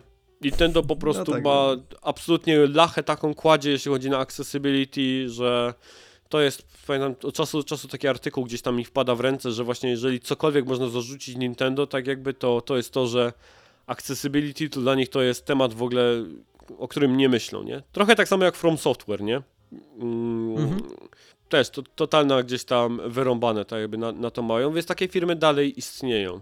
No, ale bym powiedział, że znaczy, no oczywiście. Ja się z tobą nie. zgadzam, że, tutaj zdecydowanie robiliśmy ten właśnie duży, duży w ostatnim czasie no. takie właśnie, wiesz, znaczące kroki. Przyspieszenie jest widać tutaj po tym, co się dzieje, tylko tak jak mówisz, chyba nie wszyscy i zastanawiam się też, jak to wygląda w tym segmencie gier indie, czy, czy one właśnie też tutaj nadążają za tym tempem, wiesz, tych zmian i czy, bo to jednak, wiesz, tworzyć grę indie, a jeszcze zadbać o te całe, całe funkcje dostępności, to też nie jest takie, takie proste i tutaj to też pytanie, czy te małe studia mają na to zasoby i czas i możliwości, żeby to, do, o to zadbać i może też dlatego ta wyniki ankiety są takie, jakie są, bo, bo pewnie też te osoby nie tylko grały w te duże tytuły A, mm -hmm. tylko też pewnie też pewnie jakieś indyki były brane pod uwagę. Wiesz co, ja bym powiedział, że z tymi indykami to jest akurat tak, że jakoś się nie martwię, bo wydaje mi się, że jednak dużo takich ekip coś robi z tym mm. e, e, związane. Z tego powodu, że te środowiska indie one są trochę zakręcone na tym temacie inkluzywności, e, umożliwiania graczy wszelkiej maści, grania w ich gry i tak dalej, otwartości. Trochę nawet bardziej przekręcone niż te takie molochy, ogromne studia gdzieś tam e, większe, bym powiedział. E, więc w tych studiach indie na pewno jeśli chodzi na przykład o jakieś tam dostosowanie kolorów, czy te, te sprawy związane, wiesz, na przykład czasem się śmiejemy, że nawet niektóre gdy są zbyt jakieś tam inkluzywne, że wiesz, informują cię przed jakąś sceną, że hej, jeżeli na przykład, nie wiem, triggerują cię sceny związane z przemocą w rodzinie albo jakimś tam molestowaniem seksualnym, to w tej grze te występują, nie graj w to i tak dalej. Dużo jest takiego rodzaju gier, gdzie właśnie te studia indie o takich rzeczach myślą, nie? Um, że więc wydaje mi się, że nawet i tam bym się o to jakoś tam specjalnie nie martwił, nie? Więc wiesz, nie ujmując osobom, które może są faktycznie niezadowolone wciąż, tak jakby ile z tej, tej roboty się dzieje, znaczy mogę to zrozumieć, nie? I nie, nie chcę im odbierać tak jakby prawa do tego, żeby tam powiedzmy narzekać albo być niezadowolonymi i oczekiwać lepszego gdzieś tam dostosowywania tych gier. Absolutnie mogą. To z mojej perspektywy takiej osoby, która tylko to obserwuje, takiego gracza zupełnie um możliwego, tak jakby grania w te wszystkie tytuły nie, nie, nie, nie potrzebującego jakichkolwiek gdzieś tam ułatwień, to powiem, że z mojej perspektywy jest kolosalne kroki są robione e, w tym, żeby gdzieś tam to, to grywać. No i zarówno ten kontroler, który Microsoft wprowadził jako pierwszy, bo to też trzeba tutaj zaznaczyć, tak, ten e, Accessibility Controller ich i tak jak ten teraz, który Sony wypuszcza, to są kolejne takie kamienie milowe dla tych osób z niepełnosprawnościami, żeby gdzieś e, grać w te tytuły. E, wiesz co, ja też Wiem, że na pewno jest postęp, bo Mark Brown na swoim kanale Game Makers Toolkit zawsze co roku, na koniec roku robi taki accessibility, tak jakby review. Tak jakby jak mhm. E, branża implementowała accessibility w ostatnim roku, nie? To czy był postęp, czy nie i tak dalej. I o ile faktycznie dalej e, czepia się często UI-a, nie? E, że UI -e mają mhm. bardzo małe gdzieś tam literki, cyferki, jest nadźgane wszystkiego więc e, to bardzo często jest gdzieś tam problemem, co ja pamiętam z tych jego filmów, że branża idzie do przodu i coraz więcej ekip cokolwiek tam robi, nie? W tych, tych gdzieś tam w tych e, funkcjach, więc no z mojej perspektywy ja to raczej odczuwam, że my idziemy w dobrym kierunku i jednak te, te zmiany są wprowadzane tak bardzo solidnie. Tak przynajmniej ja to czuję.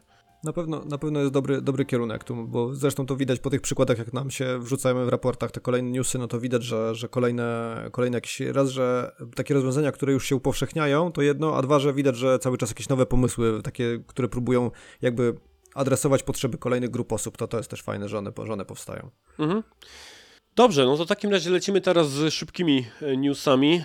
E, szybkie newsy to takie materiały, o których chcieliśmy wspomnieć, gdzieś tam może będziemy mieli komentarz, może nie, ale chcieliśmy też, żebyście wy jako słuchacze wiedzieli mniej więcej co tam się dzieje, co się w nich wydarzyło. Ja szczerze powiem Ci Norbert, że mam chyba coraz większy problem, żeby decydować co o czym nie powiedzieć na raporcie, bo ja tak zaczynam... Ja tak samo Rzucam mhm. wszystko, bo mnie wszystko strasznie interesuje, ale faktycznie do niektórych rzeczy po prostu nie mam jakiegokolwiek tam pytania, czy jakiegoś za, zajawki, żeby rozpocząć dyskusję. Może jakiś komentarz gdzieś tam drobny. Ale dobra, lecimy. Ratując cyberpunka, ale za jaką cenę? W raporcie przedstawionym inwestorom spółki dyrektor finansowy grupy CD Projekt Piotr Nielubowicz wyjaśnił, że dostosowanie Cyberpunka do standardów konsoli nowej generacji, w tym prawdopodobnie zmieniając grę aktualizacją 2.0, kosztowało 178 milionów złotych, około 40 milionów dolarów. Producent wydał z kolei na stworzenie dodatku Phantom Liberty 275 milionów złotych, około 62 miliony dolarów, a jego wprowadzenie na rynek, czyli tam wszelkie działania marketingowe z tym związane, około 95 milionów kolejnych złotych, czyli 21,6 miliona dolarów. Podstawka sprzedała się w sumie w nakładzie 25 milionów egzemplarzy, to też ostatnio gdzieś tam zostało potwierdzone. W pierwszym tygodniu po premierze, która miała miejsce 26 września, sprzedaż dodatku Phantom Liberty wynosiła 3 miliony egzemplarzy, wliczając w to preordery. 68% sprzedanych było na PC, 20% na PS5 i 12% na Series X. Ogromne liczby. Ogromne liczby, gigantyczne. które. Gigantyczne e, liczby. E, szczególnie za ten dodatek Phantom Liberty. No, Idris Elba wygląda na to, że nie był tanią osobą. E, choć zachęcam do słuchania ostatniego Gamecasta w którym rozmawiamy o Cyberpunku i Bartek ogrywa gdzieś tam dodatek e, i DLC, bardzo dużo o nim mówi, więc między innymi powinniście też wiedzieć z tego Gamecastu ostatniego skąd tego rodzaju liczby gdzieś tam wynoszą. Ale muszę powiedzieć, że o ile dalej mam spore pretensje do tego, jak wyglądała premiera Cyberpunka, to, to muszę powiedzieć, że to ile wydali hajsu, no ola Boga. Tak jakby, no zdecydowanie tak jakby postawili się w tej roli po prostu, że musimy to naprawić, choćby nie wiem co. Takie, te, te liczby mi to mówią, nie? Że nie ma bata, żebyśmy mhm. to odpuścili. Musimy to naprawić, choćbyśmy po prostu mieli, wiesz, ostatnią złotówkę gdzieś tam wydać i ogromne liczby. Jak na polski game dev, to to są w ogóle liczby, które ja nie wiem, czy jakiekolwiek inne studio w ogóle widziało, tak jakby, żeby cokolwiek robić w takich gdzieś tam kwotach. Ale ja sobie tutaj mhm. też dorzuciłem newsa drugiego, bo o którym wspominaliśmy. Microsoft ratuje Redfall. E, Bethesda wypuściła obiecną, obie, obiecaną aktualizację 60 klatek na sekundę dla Arkane Redfall oraz wprowadziła zmiany w walce i rozgrywce w grze. Ja tak jakby wszystkich tych zmian w gameplayu tak jakby nie wypisywałem, natomiast dzieje się tam sporo, no ale nie wierzę, że wydają podobne kwoty. Może? Raczej nie. Sądziłbym, że te kwoty, które wydają na Redfalla, żeby go ratować, są, są mniejsze. No jednak. No i jednak też... Gdzie, re, gdzie Redfall, a gdzie Cyberpunk? Tak. tak.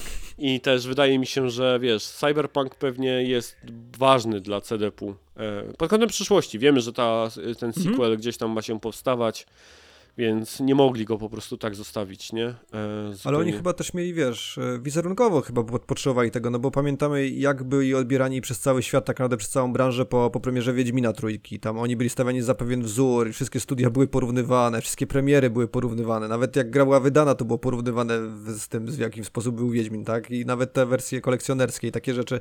No każdy mały detal był porównywany z tym, co zrobił CDP przy Wiedźminie trzecim. No i później ten Cyberpunk, no to było potknięcie się, takie, takie dość duże potknięcie się z przewróceniem się na asfalt, więc, e, tak. więc tu, jest, tu jest teraz ta kwestia, że oni musieli e, coś z tym zrobić, no bo zakładamy, że będą robić kolejne gry, tak, kolejne projekty przed nimi, no i tutaj fajnie byłoby do nich podchodzić, do nich startować z tą grupą, docelową grupą odbiorców, która jednak ma pewne zaufanie, jakby wyczekuje na ten projekt, a nie już jest trochę uprzedzona tym, że no ten cyberpunk to nie był taki do końca dowieziony.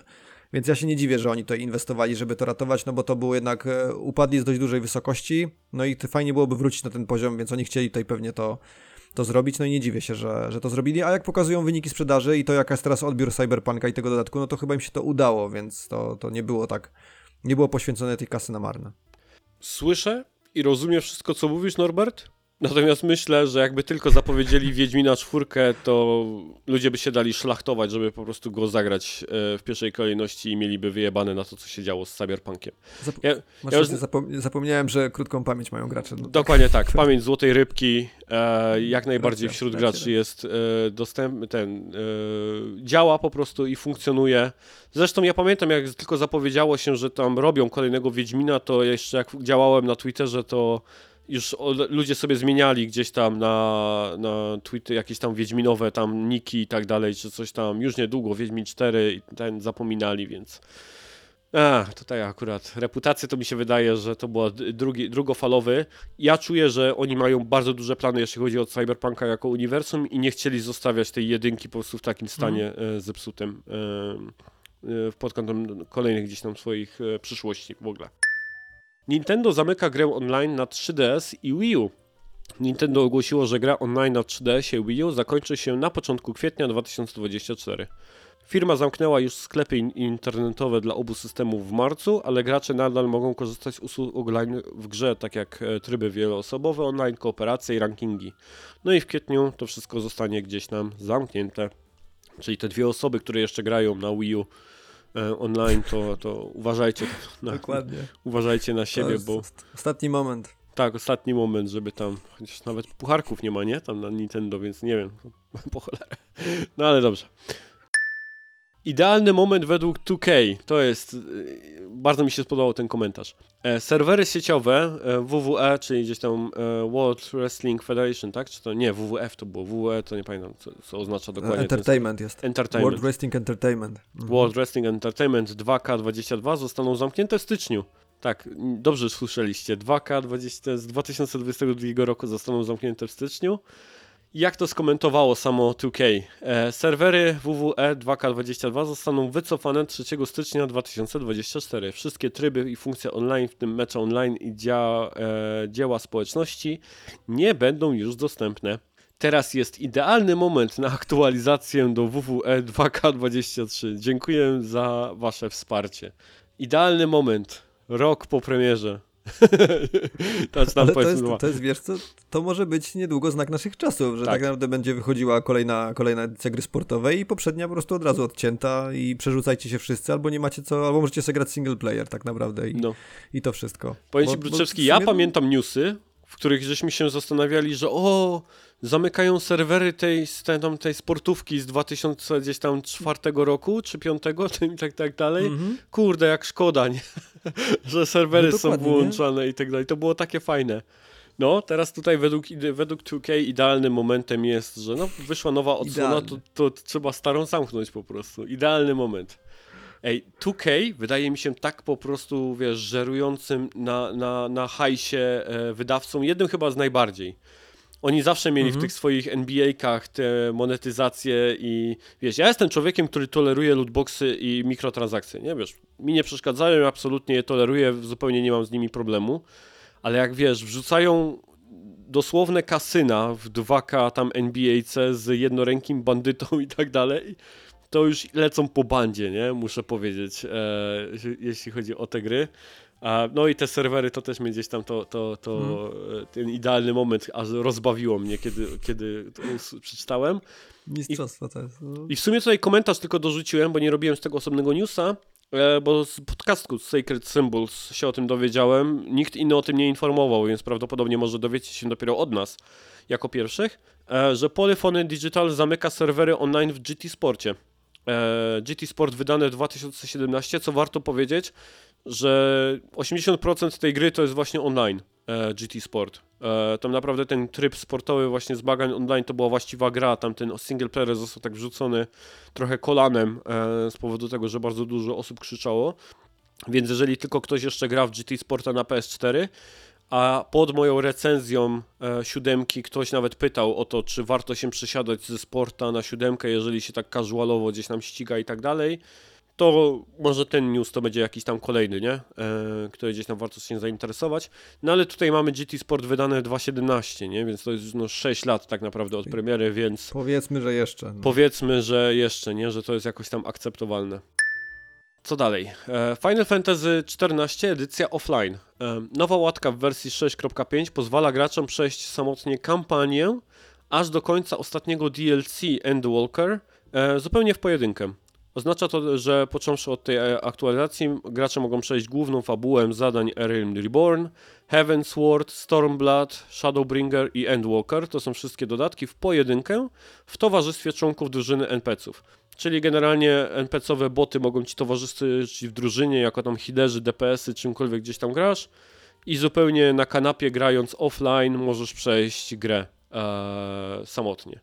Mega opcja. Mega mnie, opcja. Mnie to przeraża, bo bo teraz jest naprawdę już, nie, nie ma już żadnego wytłumaczenia, żeby nie podchodzić do tego, do tego Finala no. 14, a, a jak to się zacznie grać, to koniec, miesiące, miesiące wyjęte z życia. Tak, tak, zdecydowanie. Ja, ja odpuściłem tę grę z tego tylko względu, że wiedziałem, że albo będę w to grał, albo we wszystko inne. E, Dokładnie. Więc y, przez parę miesięcy płaciłem ten abonament, który tam sobie funkcjonuje w, w 14 oczywiście ale potem doznałem, że ona mi tak dużo czasu zjada, e, tak dużo czasu w niej spędzam, że po prostu nie wiem jak, nie wiem jak ktoś może grać w to, tak jakoś permanentnie i jeszcze mieć czas na inne gry, nie? Nie rozumiem. to, to bardzo... Zdradźcie sekret. Zdradźcie... Jak ktoś tak robi, to zdradźcie nam sekret. Zdradźcie sekret. Brak dzieci. Wygrana. Dobrze, lecimy dalej. E, znaczące zwolnienia w Epic Games. Teraz zaczynamy taki segment, ja bardzo szybko przelecę przez to, żeby nie budować takiej trochę, bym powiedział, smutnej atmosfery, bo, ale no, sami będziecie wiedzieli, o czym będziemy zaraz mówić. Epic Games zwalnia 16% swojego personelu. Mówi się, że dotkniętych zostanie tym około 900 osób. E, I teraz tak, ja miałem tutaj ogromny cały list tego e, Sweeney'a, tak? Tom Sweeney, czy Tim Sweeney jest, tak? E, właściciel e, mhm. Epika. I ja go właściwie wrzuciłem tutaj w całości, natomiast ja chciałem właściwie tylko jedną rzecz tutaj jakby gdzieś się odnieść, dotyczącą... E, o, Fortnite e, ponownie zaczyna się rozwijać. Wzrost ten napędzany jest głównie przez treści twórców. Twórców chodzi tutaj o content creatorów, po prostu ludzi, graczy w ramach których istnieje znaczny udział w przychodach, a jest to biznes o niższej marży niż wtedy, gdy Fortnite Battle wystartował i zaczął finansować naszą ekspansję. E, to jest ważny dla mnie taki cytat, bo on z tego mówi po prostu, że zaczynają redukować swój zespół, który tworzy content i myśli po prostu o kontencie w grze, ponieważ mają tam już taki playground, jest taką piaskownicą i toolboxem e, Fortnite, że właściwie teraz wystarczy tylko po prostu, żeby ludzie e, gdzieś tam tworzy, mhm. tworzyli content. To jest taki ciekawa, tak jakby gdzieś tam informacja, którą sobie gdzieś tam wyłapałem e, z tego e, newsa. No i generalnie Fortnite nie jest w najlepszej kondycji. E, jeśli chodzi o, o to, ile gdzieś tam przy, przynosi kasy, co może się wydawać szaleństwem, nie? W porównaniu, że ciągle jest w topie gdzieś tam granych i tak dalej no ale nie wiemy jakie tam są koszta u nich ponoszące, nie? No, samo to, że zwalniają tam tych 16%, to jest 900 osób, no to e, trochę te koszta pewnie tam były, nie? Wyglądały tak jakby e, mhm. całego gdzieś tam utrzymywania e, Fortnite'a. Ale żeby tak jakby zakończyć jakkolwiek pozytywnie tą informację, to e, dowiedziałem się też z jednego z podcastów, że pakiety pożegnalne obejmujące wynagrodzenie o wielkości 6 miesięcy i ubezpieczenia zdrowotnego na taki sam okres e, dostawali wszyscy. Całkiem nieźle. Osoby z Kalifornii, których słuchałem, opowiadały, że to jest niespotykane, żeby były tak dobre pakiety e, gdzieś tam pożegnalne e, w firmie. 6 miesięcy wynagrodzenia i 6 miesięcy ubezpieczenia zdrowotnego to jest podobno bardzo dużo i bardzo hojnie, jeśli, jeśli chodzi o, o zwolnienia. Więc, e, a o tym na przykład nikt nie mówił, nie? Ja, wszystkie artykuły, które mhm. czytałem, tylko się skupiały na tym, ile jest zwalnianych, z jakiego powodu, Ilu, ale tak, o tych tak, pakietach tak, pożegnalnych nikt mhm. mało nie pisał. To tak trochę stronniczo. E, nie lubię czegoś takiego. E, kolejna sprawa, e, Team 17 to jest wydawca, e, zwalnia 50 osób. E, głównie na początku jeden news podawał, że będzie to tylko i wyłącznie są pracownicy związani z kontrolą jakości, czyli QA. Gdzieś tam są zwalniani ale ostatni e, z Games Industry.biz e, artykuł mówił o tym, że może być nawet dotknięta 1 trzecia personelu Team 17 e, wydawcy i to z różnych działów, nie? Tam obsługa klienta, IT, HR i tak dalej, gdzieś tam zwalniane. No, Team 17 bym powiedział z tych takich wydawców Anapurna, Devolver i tak dalej, to no nie mają zbyt dobrego gdzieś tam od ostatniego okresu. Ja nie potrafię sobie przypomnieć czegoś od Team 17, co jakoś specjalnie zagrało, tak, w, e, czy, czy było jakimś gdzieś tam większym hitem. E, oni też chyba przejechali się na tych e, subskrypcjach, na dodawaniu swoich produktów do subskrypcji, więc to kolejne może być gdzieś tam ofiara tego podejścia. Trzeci news związany ze zwolnieniami. Naughty Dog również nie uniknęło fali zwolnień. Według źródeł co najmniej 25 pracowników uczestniczyło w redukcji zatrudnienia, a cięcia obejmowały zarówno prace artystyczne, jak i produkcję, ale większość zwolnionych pracowała w dziale kontroli jakości. I tutaj ważne do zaznaczenia, wszystkie osoby pracowały pod kontraktem. To też jest to, bo ludzie tak jakby budują taką bardzo negatywną atmosferę wokół jakby tego te tematu. Natomiast osoby pod kontraktem, to, że one po prostu tracą gdzieś tam e, zatrudnienie, to jest absolutnie normalna rzecz. Tak jakby to jest chleb powszedni pracy na kontrakcie, że jednego miesiąca ma się tą robotę, drugiego miesiąca po prostu się jej nie ma. Są osoby, które to lubią, są osoby, które to wybierają z konieczności albo po prostu z y, ubo, y, lubienia. Tak jak w Polsce są osoby, które lubią umowę o pracę i B2B, nie? Więc Dokładnie. E, tak to trochę też gdzieś tam wygląda e, w Stanach Zjednoczonych. Przy okazji Naughty Dog to tutaj jeszcze się dużo mówiło o tym, e, o tych factions, nie? Mm, nie mhm. mamy tego newsa jakoś specjalnie opisanego, no bo to są takie tu, tu plota, tu przycieka, tu ktoś zareklamował bez źródła, ale mówi się, że ten multiplayer jest właśnie e, do, do, do The Last of Us w jakimś kiepskim stanie, jak to tam nazwał, e, na lodzie, tak, tam on ice, ktoś to chyba mhm. nazwał na takiej zasadzie, że no krucho się robi pod tym multiplayerem, choć moje prywatne zdanie na ten temat jest tako, że ludzie trochę jakby za bardzo się wczytują w to, że Bungie tam wparzyło i jakby skancelowało, skancelowało im projekt. To nie jest to prawdopodobnie tak, że skancelowało, bo raz, że Dragman sam był zachwycony tym projektem i mówił, że niedługo będą go pokazywać i tak dalej. Więc ja jestem pod takim kątem, że jakościowo on pewnie był dobry jako multiplayer. Tylko, że po prostu pewnie jako serwis nie miał tego ogona, który zapewni mu, że będzie po prostu przez rok, dwa będzie funkcjonował i ludzie będą chcieli w niego grać, a Bungie tylko i wyłącznie do tego się odniosło, tak? Więc nawet jeżeli plany gdzieś tam Sony się zmienią po e, rezygnacji Jima Ryana z serwisów, że jednak nie idą tak pełną parą w serwisy, jak do tej pory mieli z, z, zamiar, to może wyjdzie po prostu jako multiplayer całkiem niezły, nie? Bez jakiegoś tam e, większego e, ogona sprzedażowego czy mikrotransakcyjnego, więc zobaczymy gdzieś tam co, co z tym będzie, no ale warto zaznaczyć, że jeśli chodzi o Sony i Naughty Dog, to też gdzieś tam się dzieje. I to jest ciekawostka taka ode mnie. Wygląda na to, że bańka gamingowa pękła. Według danych PitchBook podanych przez Bloomberga, gruby, y, grupy Venture Capital zainwestowały w gry wideo łącznie 700 milionów dolarów w trzecim kwartale 2023 roku, e, czyli mniej niż e, w, e, od drugiego kwartału 2020. Tak? Czyli po prostu jest to znaczny spadek, jeśli chodzi o inwestycje w gry wideo. Ale w sumie podoba mi się to wytłumaczenie tutaj. E, spadek ten przypisuje się wielu czynnikom, w tym konsekwencjom boomu na gry podczas pandemii COVID, jak najbardziej. E, studia mhm. zatrudniały i wszyscy po prostu, jak tylko jakąkolwiek kasę mieli w lodówce, w zamrażalkach, czy po prostu sałatę gdziekolwiek gdzieś tam wy, wyłapali, to wszystko pchali w gry wideo. E, ja pamiętam, że Lewandowski jakiegoś football managera inwestował, e, tak, jacyś tak, polscy tak. raperzy jakieś studio założyli, czy też jakieś tam gry tam, tam, tam, tam inwestowali, więc ktokolwiek tylko miał jakieś pieniądze, to pchał w gry wideo podczas COVID-u, e, więc nie dziwi mnie, że teraz jest spadek. No i też jeszcze, dlaczego ten spadek? W wyniku e, wiele osób zaczęło grać w gry tak jakby i coś jeszcze tutaj, aha i zamknięciach tak jakby i zwolnieniach, tak, zamknięcia studia, zwolnienia to jest kolejny taki powód, dlaczego jest mniej inwestycji, no i wygaszający się szum wokół Web3, metaświatów e, i, i tych tematów, tak? I NFT, tak? To też te tematy po prostu gdzieś tam zupełnie zostały zabite i słusznie, więc inwestycje e, z nimi związane też po prostu gdzieś tam znikają. Mm, no ale tak, coś co się ja się spodziewałem jakiś czas temu, że po prostu ta bańka pęka. Jeszcze kilka mhm. newsów. Naughty Dog szykuje remaster The Last of Us 2. E, The Last of Us 2 Remastered zostało dostrzeżone na profilu LinkedIn dewelopera Naughty Dog. Za wcześnie? Ja, ja nie grałem, ale wydaje mi się, że to, nie wiem, właśnie za wcześnie jak dla mnie. To, czy to jest potrzebne w tym momencie w ogóle to remaster dla tego tytułu? Nie mam pojęcia. Szczerze mówiąc, wydawało mi się, że ta gra bardzo dobrze wygląda e, na tej, tej. Prędzej bym się spodziewał łatki do PS5 mm -hmm. aktualizującej tamten, ale no, jeżeli faktycznie to wypuszczą, to nie wiem jak to odczytywać. Chyba albo naprawdę drapią ściany po prostu za, e, e, za groszem. Trochę to tak wygląda. No, nie wiem. Nie chcę tak by mówić, czy, czy, co będzie, no bo zobaczymy, co będzie w tym remasterze, ale wygląda to mega dziwnie. E, że ten. A swoją drogą muszę powiedzieć, że ci ludzie, którzy wrzucają te tytuły w te bio na LinkedInie, z którego potem można zaskrapować takie informacje, ja pierdolę, no, trzeba, nie, nie wiem, trzeba mieć siano w głowie, naprawdę, że po prostu wrzucać te tytuły niezapowiedziane w swoje bio, naprawdę.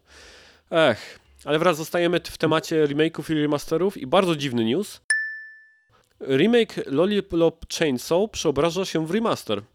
Lollipop Chainsaw Repop e, będzie teraz remasterem, a nie remake'iem.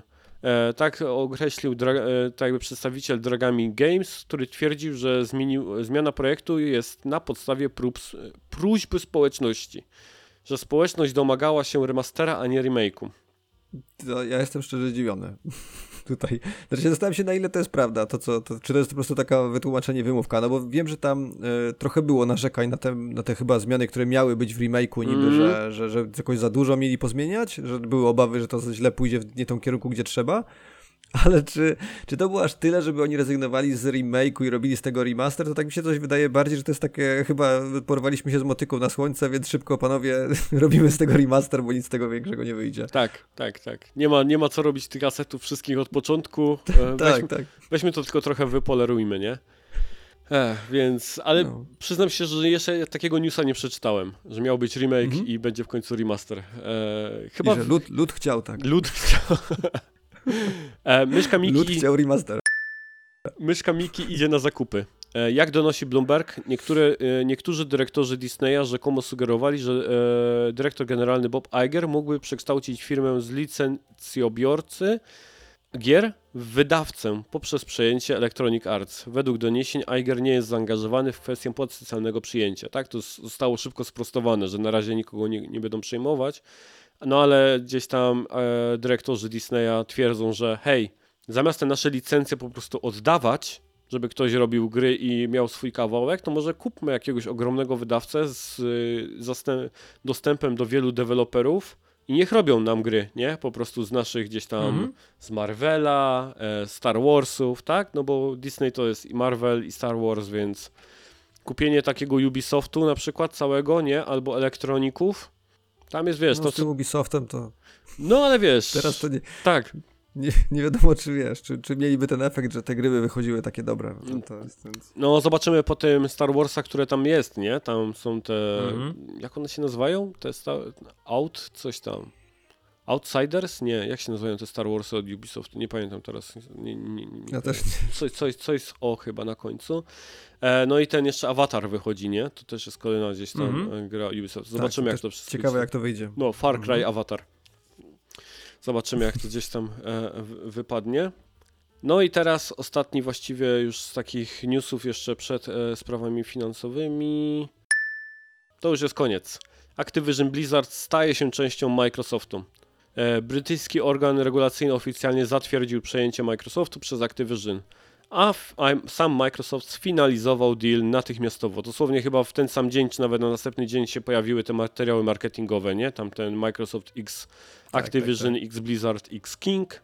E, wieloletni dyrektor generalny Activision Blizzard, Bobby Kotick, ustąpi ze stanowiska w tym roku po przejęciu przez Microsoft wydawcy Call of Duty, czyli generalnie nie chce mieć z tym nic wspólnego. Jak tylko deal został zawarty, to on bierze tą kasę, którą ma tam dostać, tam jest chyba jakieś 700 milionów dolarów chyba, czy coś takiego, set dolarów. Ja pamiętam, że tam jest ileś tam e, dolarów z tego wyciąga dla siebie i idzie, i idzie gdzieś tam odpoczywać sobie na, na, na, le, na leżaczku, nie? Więc wszyscy będą zadowoleni. Kotyk odchodzi, Microsoft przejmuje e, Activision Blizzarda. Microsoft teraz jest właścicielem Diablo, właścicielem Overwatcha, właścicielem Call of Duty. Szalone czasy. Kasza szalone, szalone, no, Crasha, Spyro, szalone czasy, muszę powiedzieć. Jestem bardzo ciekaw, co przyniesie gdzieś tam ten kolejny rok i e, lata, e, jak to się wszystko gdzieś tam będzie, będzie wyglądało, więc... Natomiast jeśli chodzi o dramę, to już mamy ją za sobą. Szybkie trzy informacje finansowe. Sekiro przekroczyło 10 milionów sprzedanych kopii.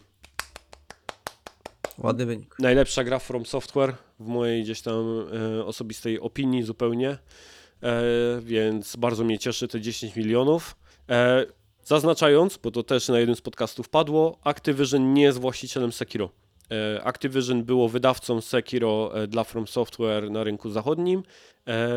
Pełne IP jest po stronie From Software, jeśli chodzi o, o, o Sekiro. PlayStation Portal wysprzedany w Japonii i amerykańskim Amazonie. Wszystkie preordery portalu zostały wysprzedane w Japonii. W Japonii mnie nie dziwi, granie on the go, gdzie miałoby się to nie wysprzedać jakby tam. I amerykański Amazon podobno też został zalany e, i wysprzedany. Może skalperami, może nie, nie wiadomo. Natomiast jeśli chodzi o preordery, to wszystko się wysprzedało, co było. Ktoś prześmiewczo może żartem powiedzieć, że tak mało wyprodukowali, że po prostu się wszystko że się wysprzedało. Pewnie jest to możliwe, więc wiesz, dla jednych szklanka jest do połowy pełna, innych jest połowy pusta, więc jakkolwiek to można było gdzieś tam e, odczytywać.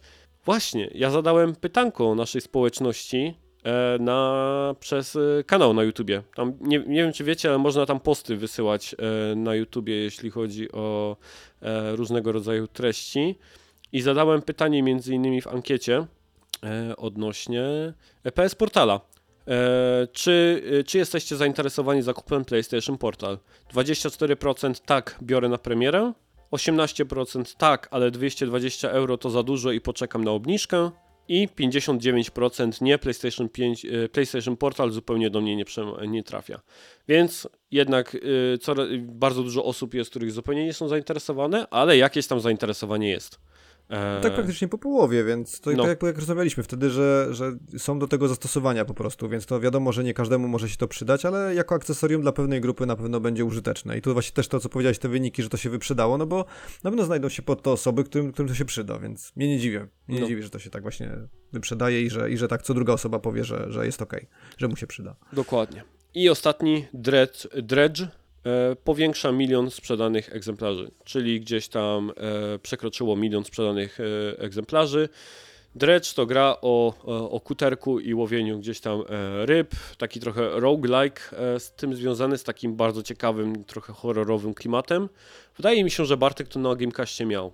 Mhm, tak, chyba, chyba nie bardzo mu podeszło z tego, co pamiętam. Tak, pamiętam, że właśnie mu to gdzieś tam nie podeszło, natomiast 1 milion sprzedanych egzemplarzy to jest bardzo małe studio, tam kilka osób nad tym pracowało, to jak na, pe na pewno y, im się raz, że zwróciło, to jeszcze e, pewnie kolejne gry będą mieli fundusze, żeby e, e, robić, więc tego rodzaju informacje, że małe gry gdzieś tam osiągają takie liczby, to szczególnie gdzieś tam cieszą, więc e, bardzo fajnie i Mhm. gratulujemy. No i to by było na tyle. Wysprze, wysprzątaliśmy się e, z tej ogromnej liczby gdzieś tam newsów i informacji, e, jaką mieliśmy. Jak się czujesz po odcinku? Zdążyliśmy przed północą. Tak, zdążyliśmy po, przed północą, 5 minut przed północą. Jak się czujesz po odcinku? E, bardzo dobrze.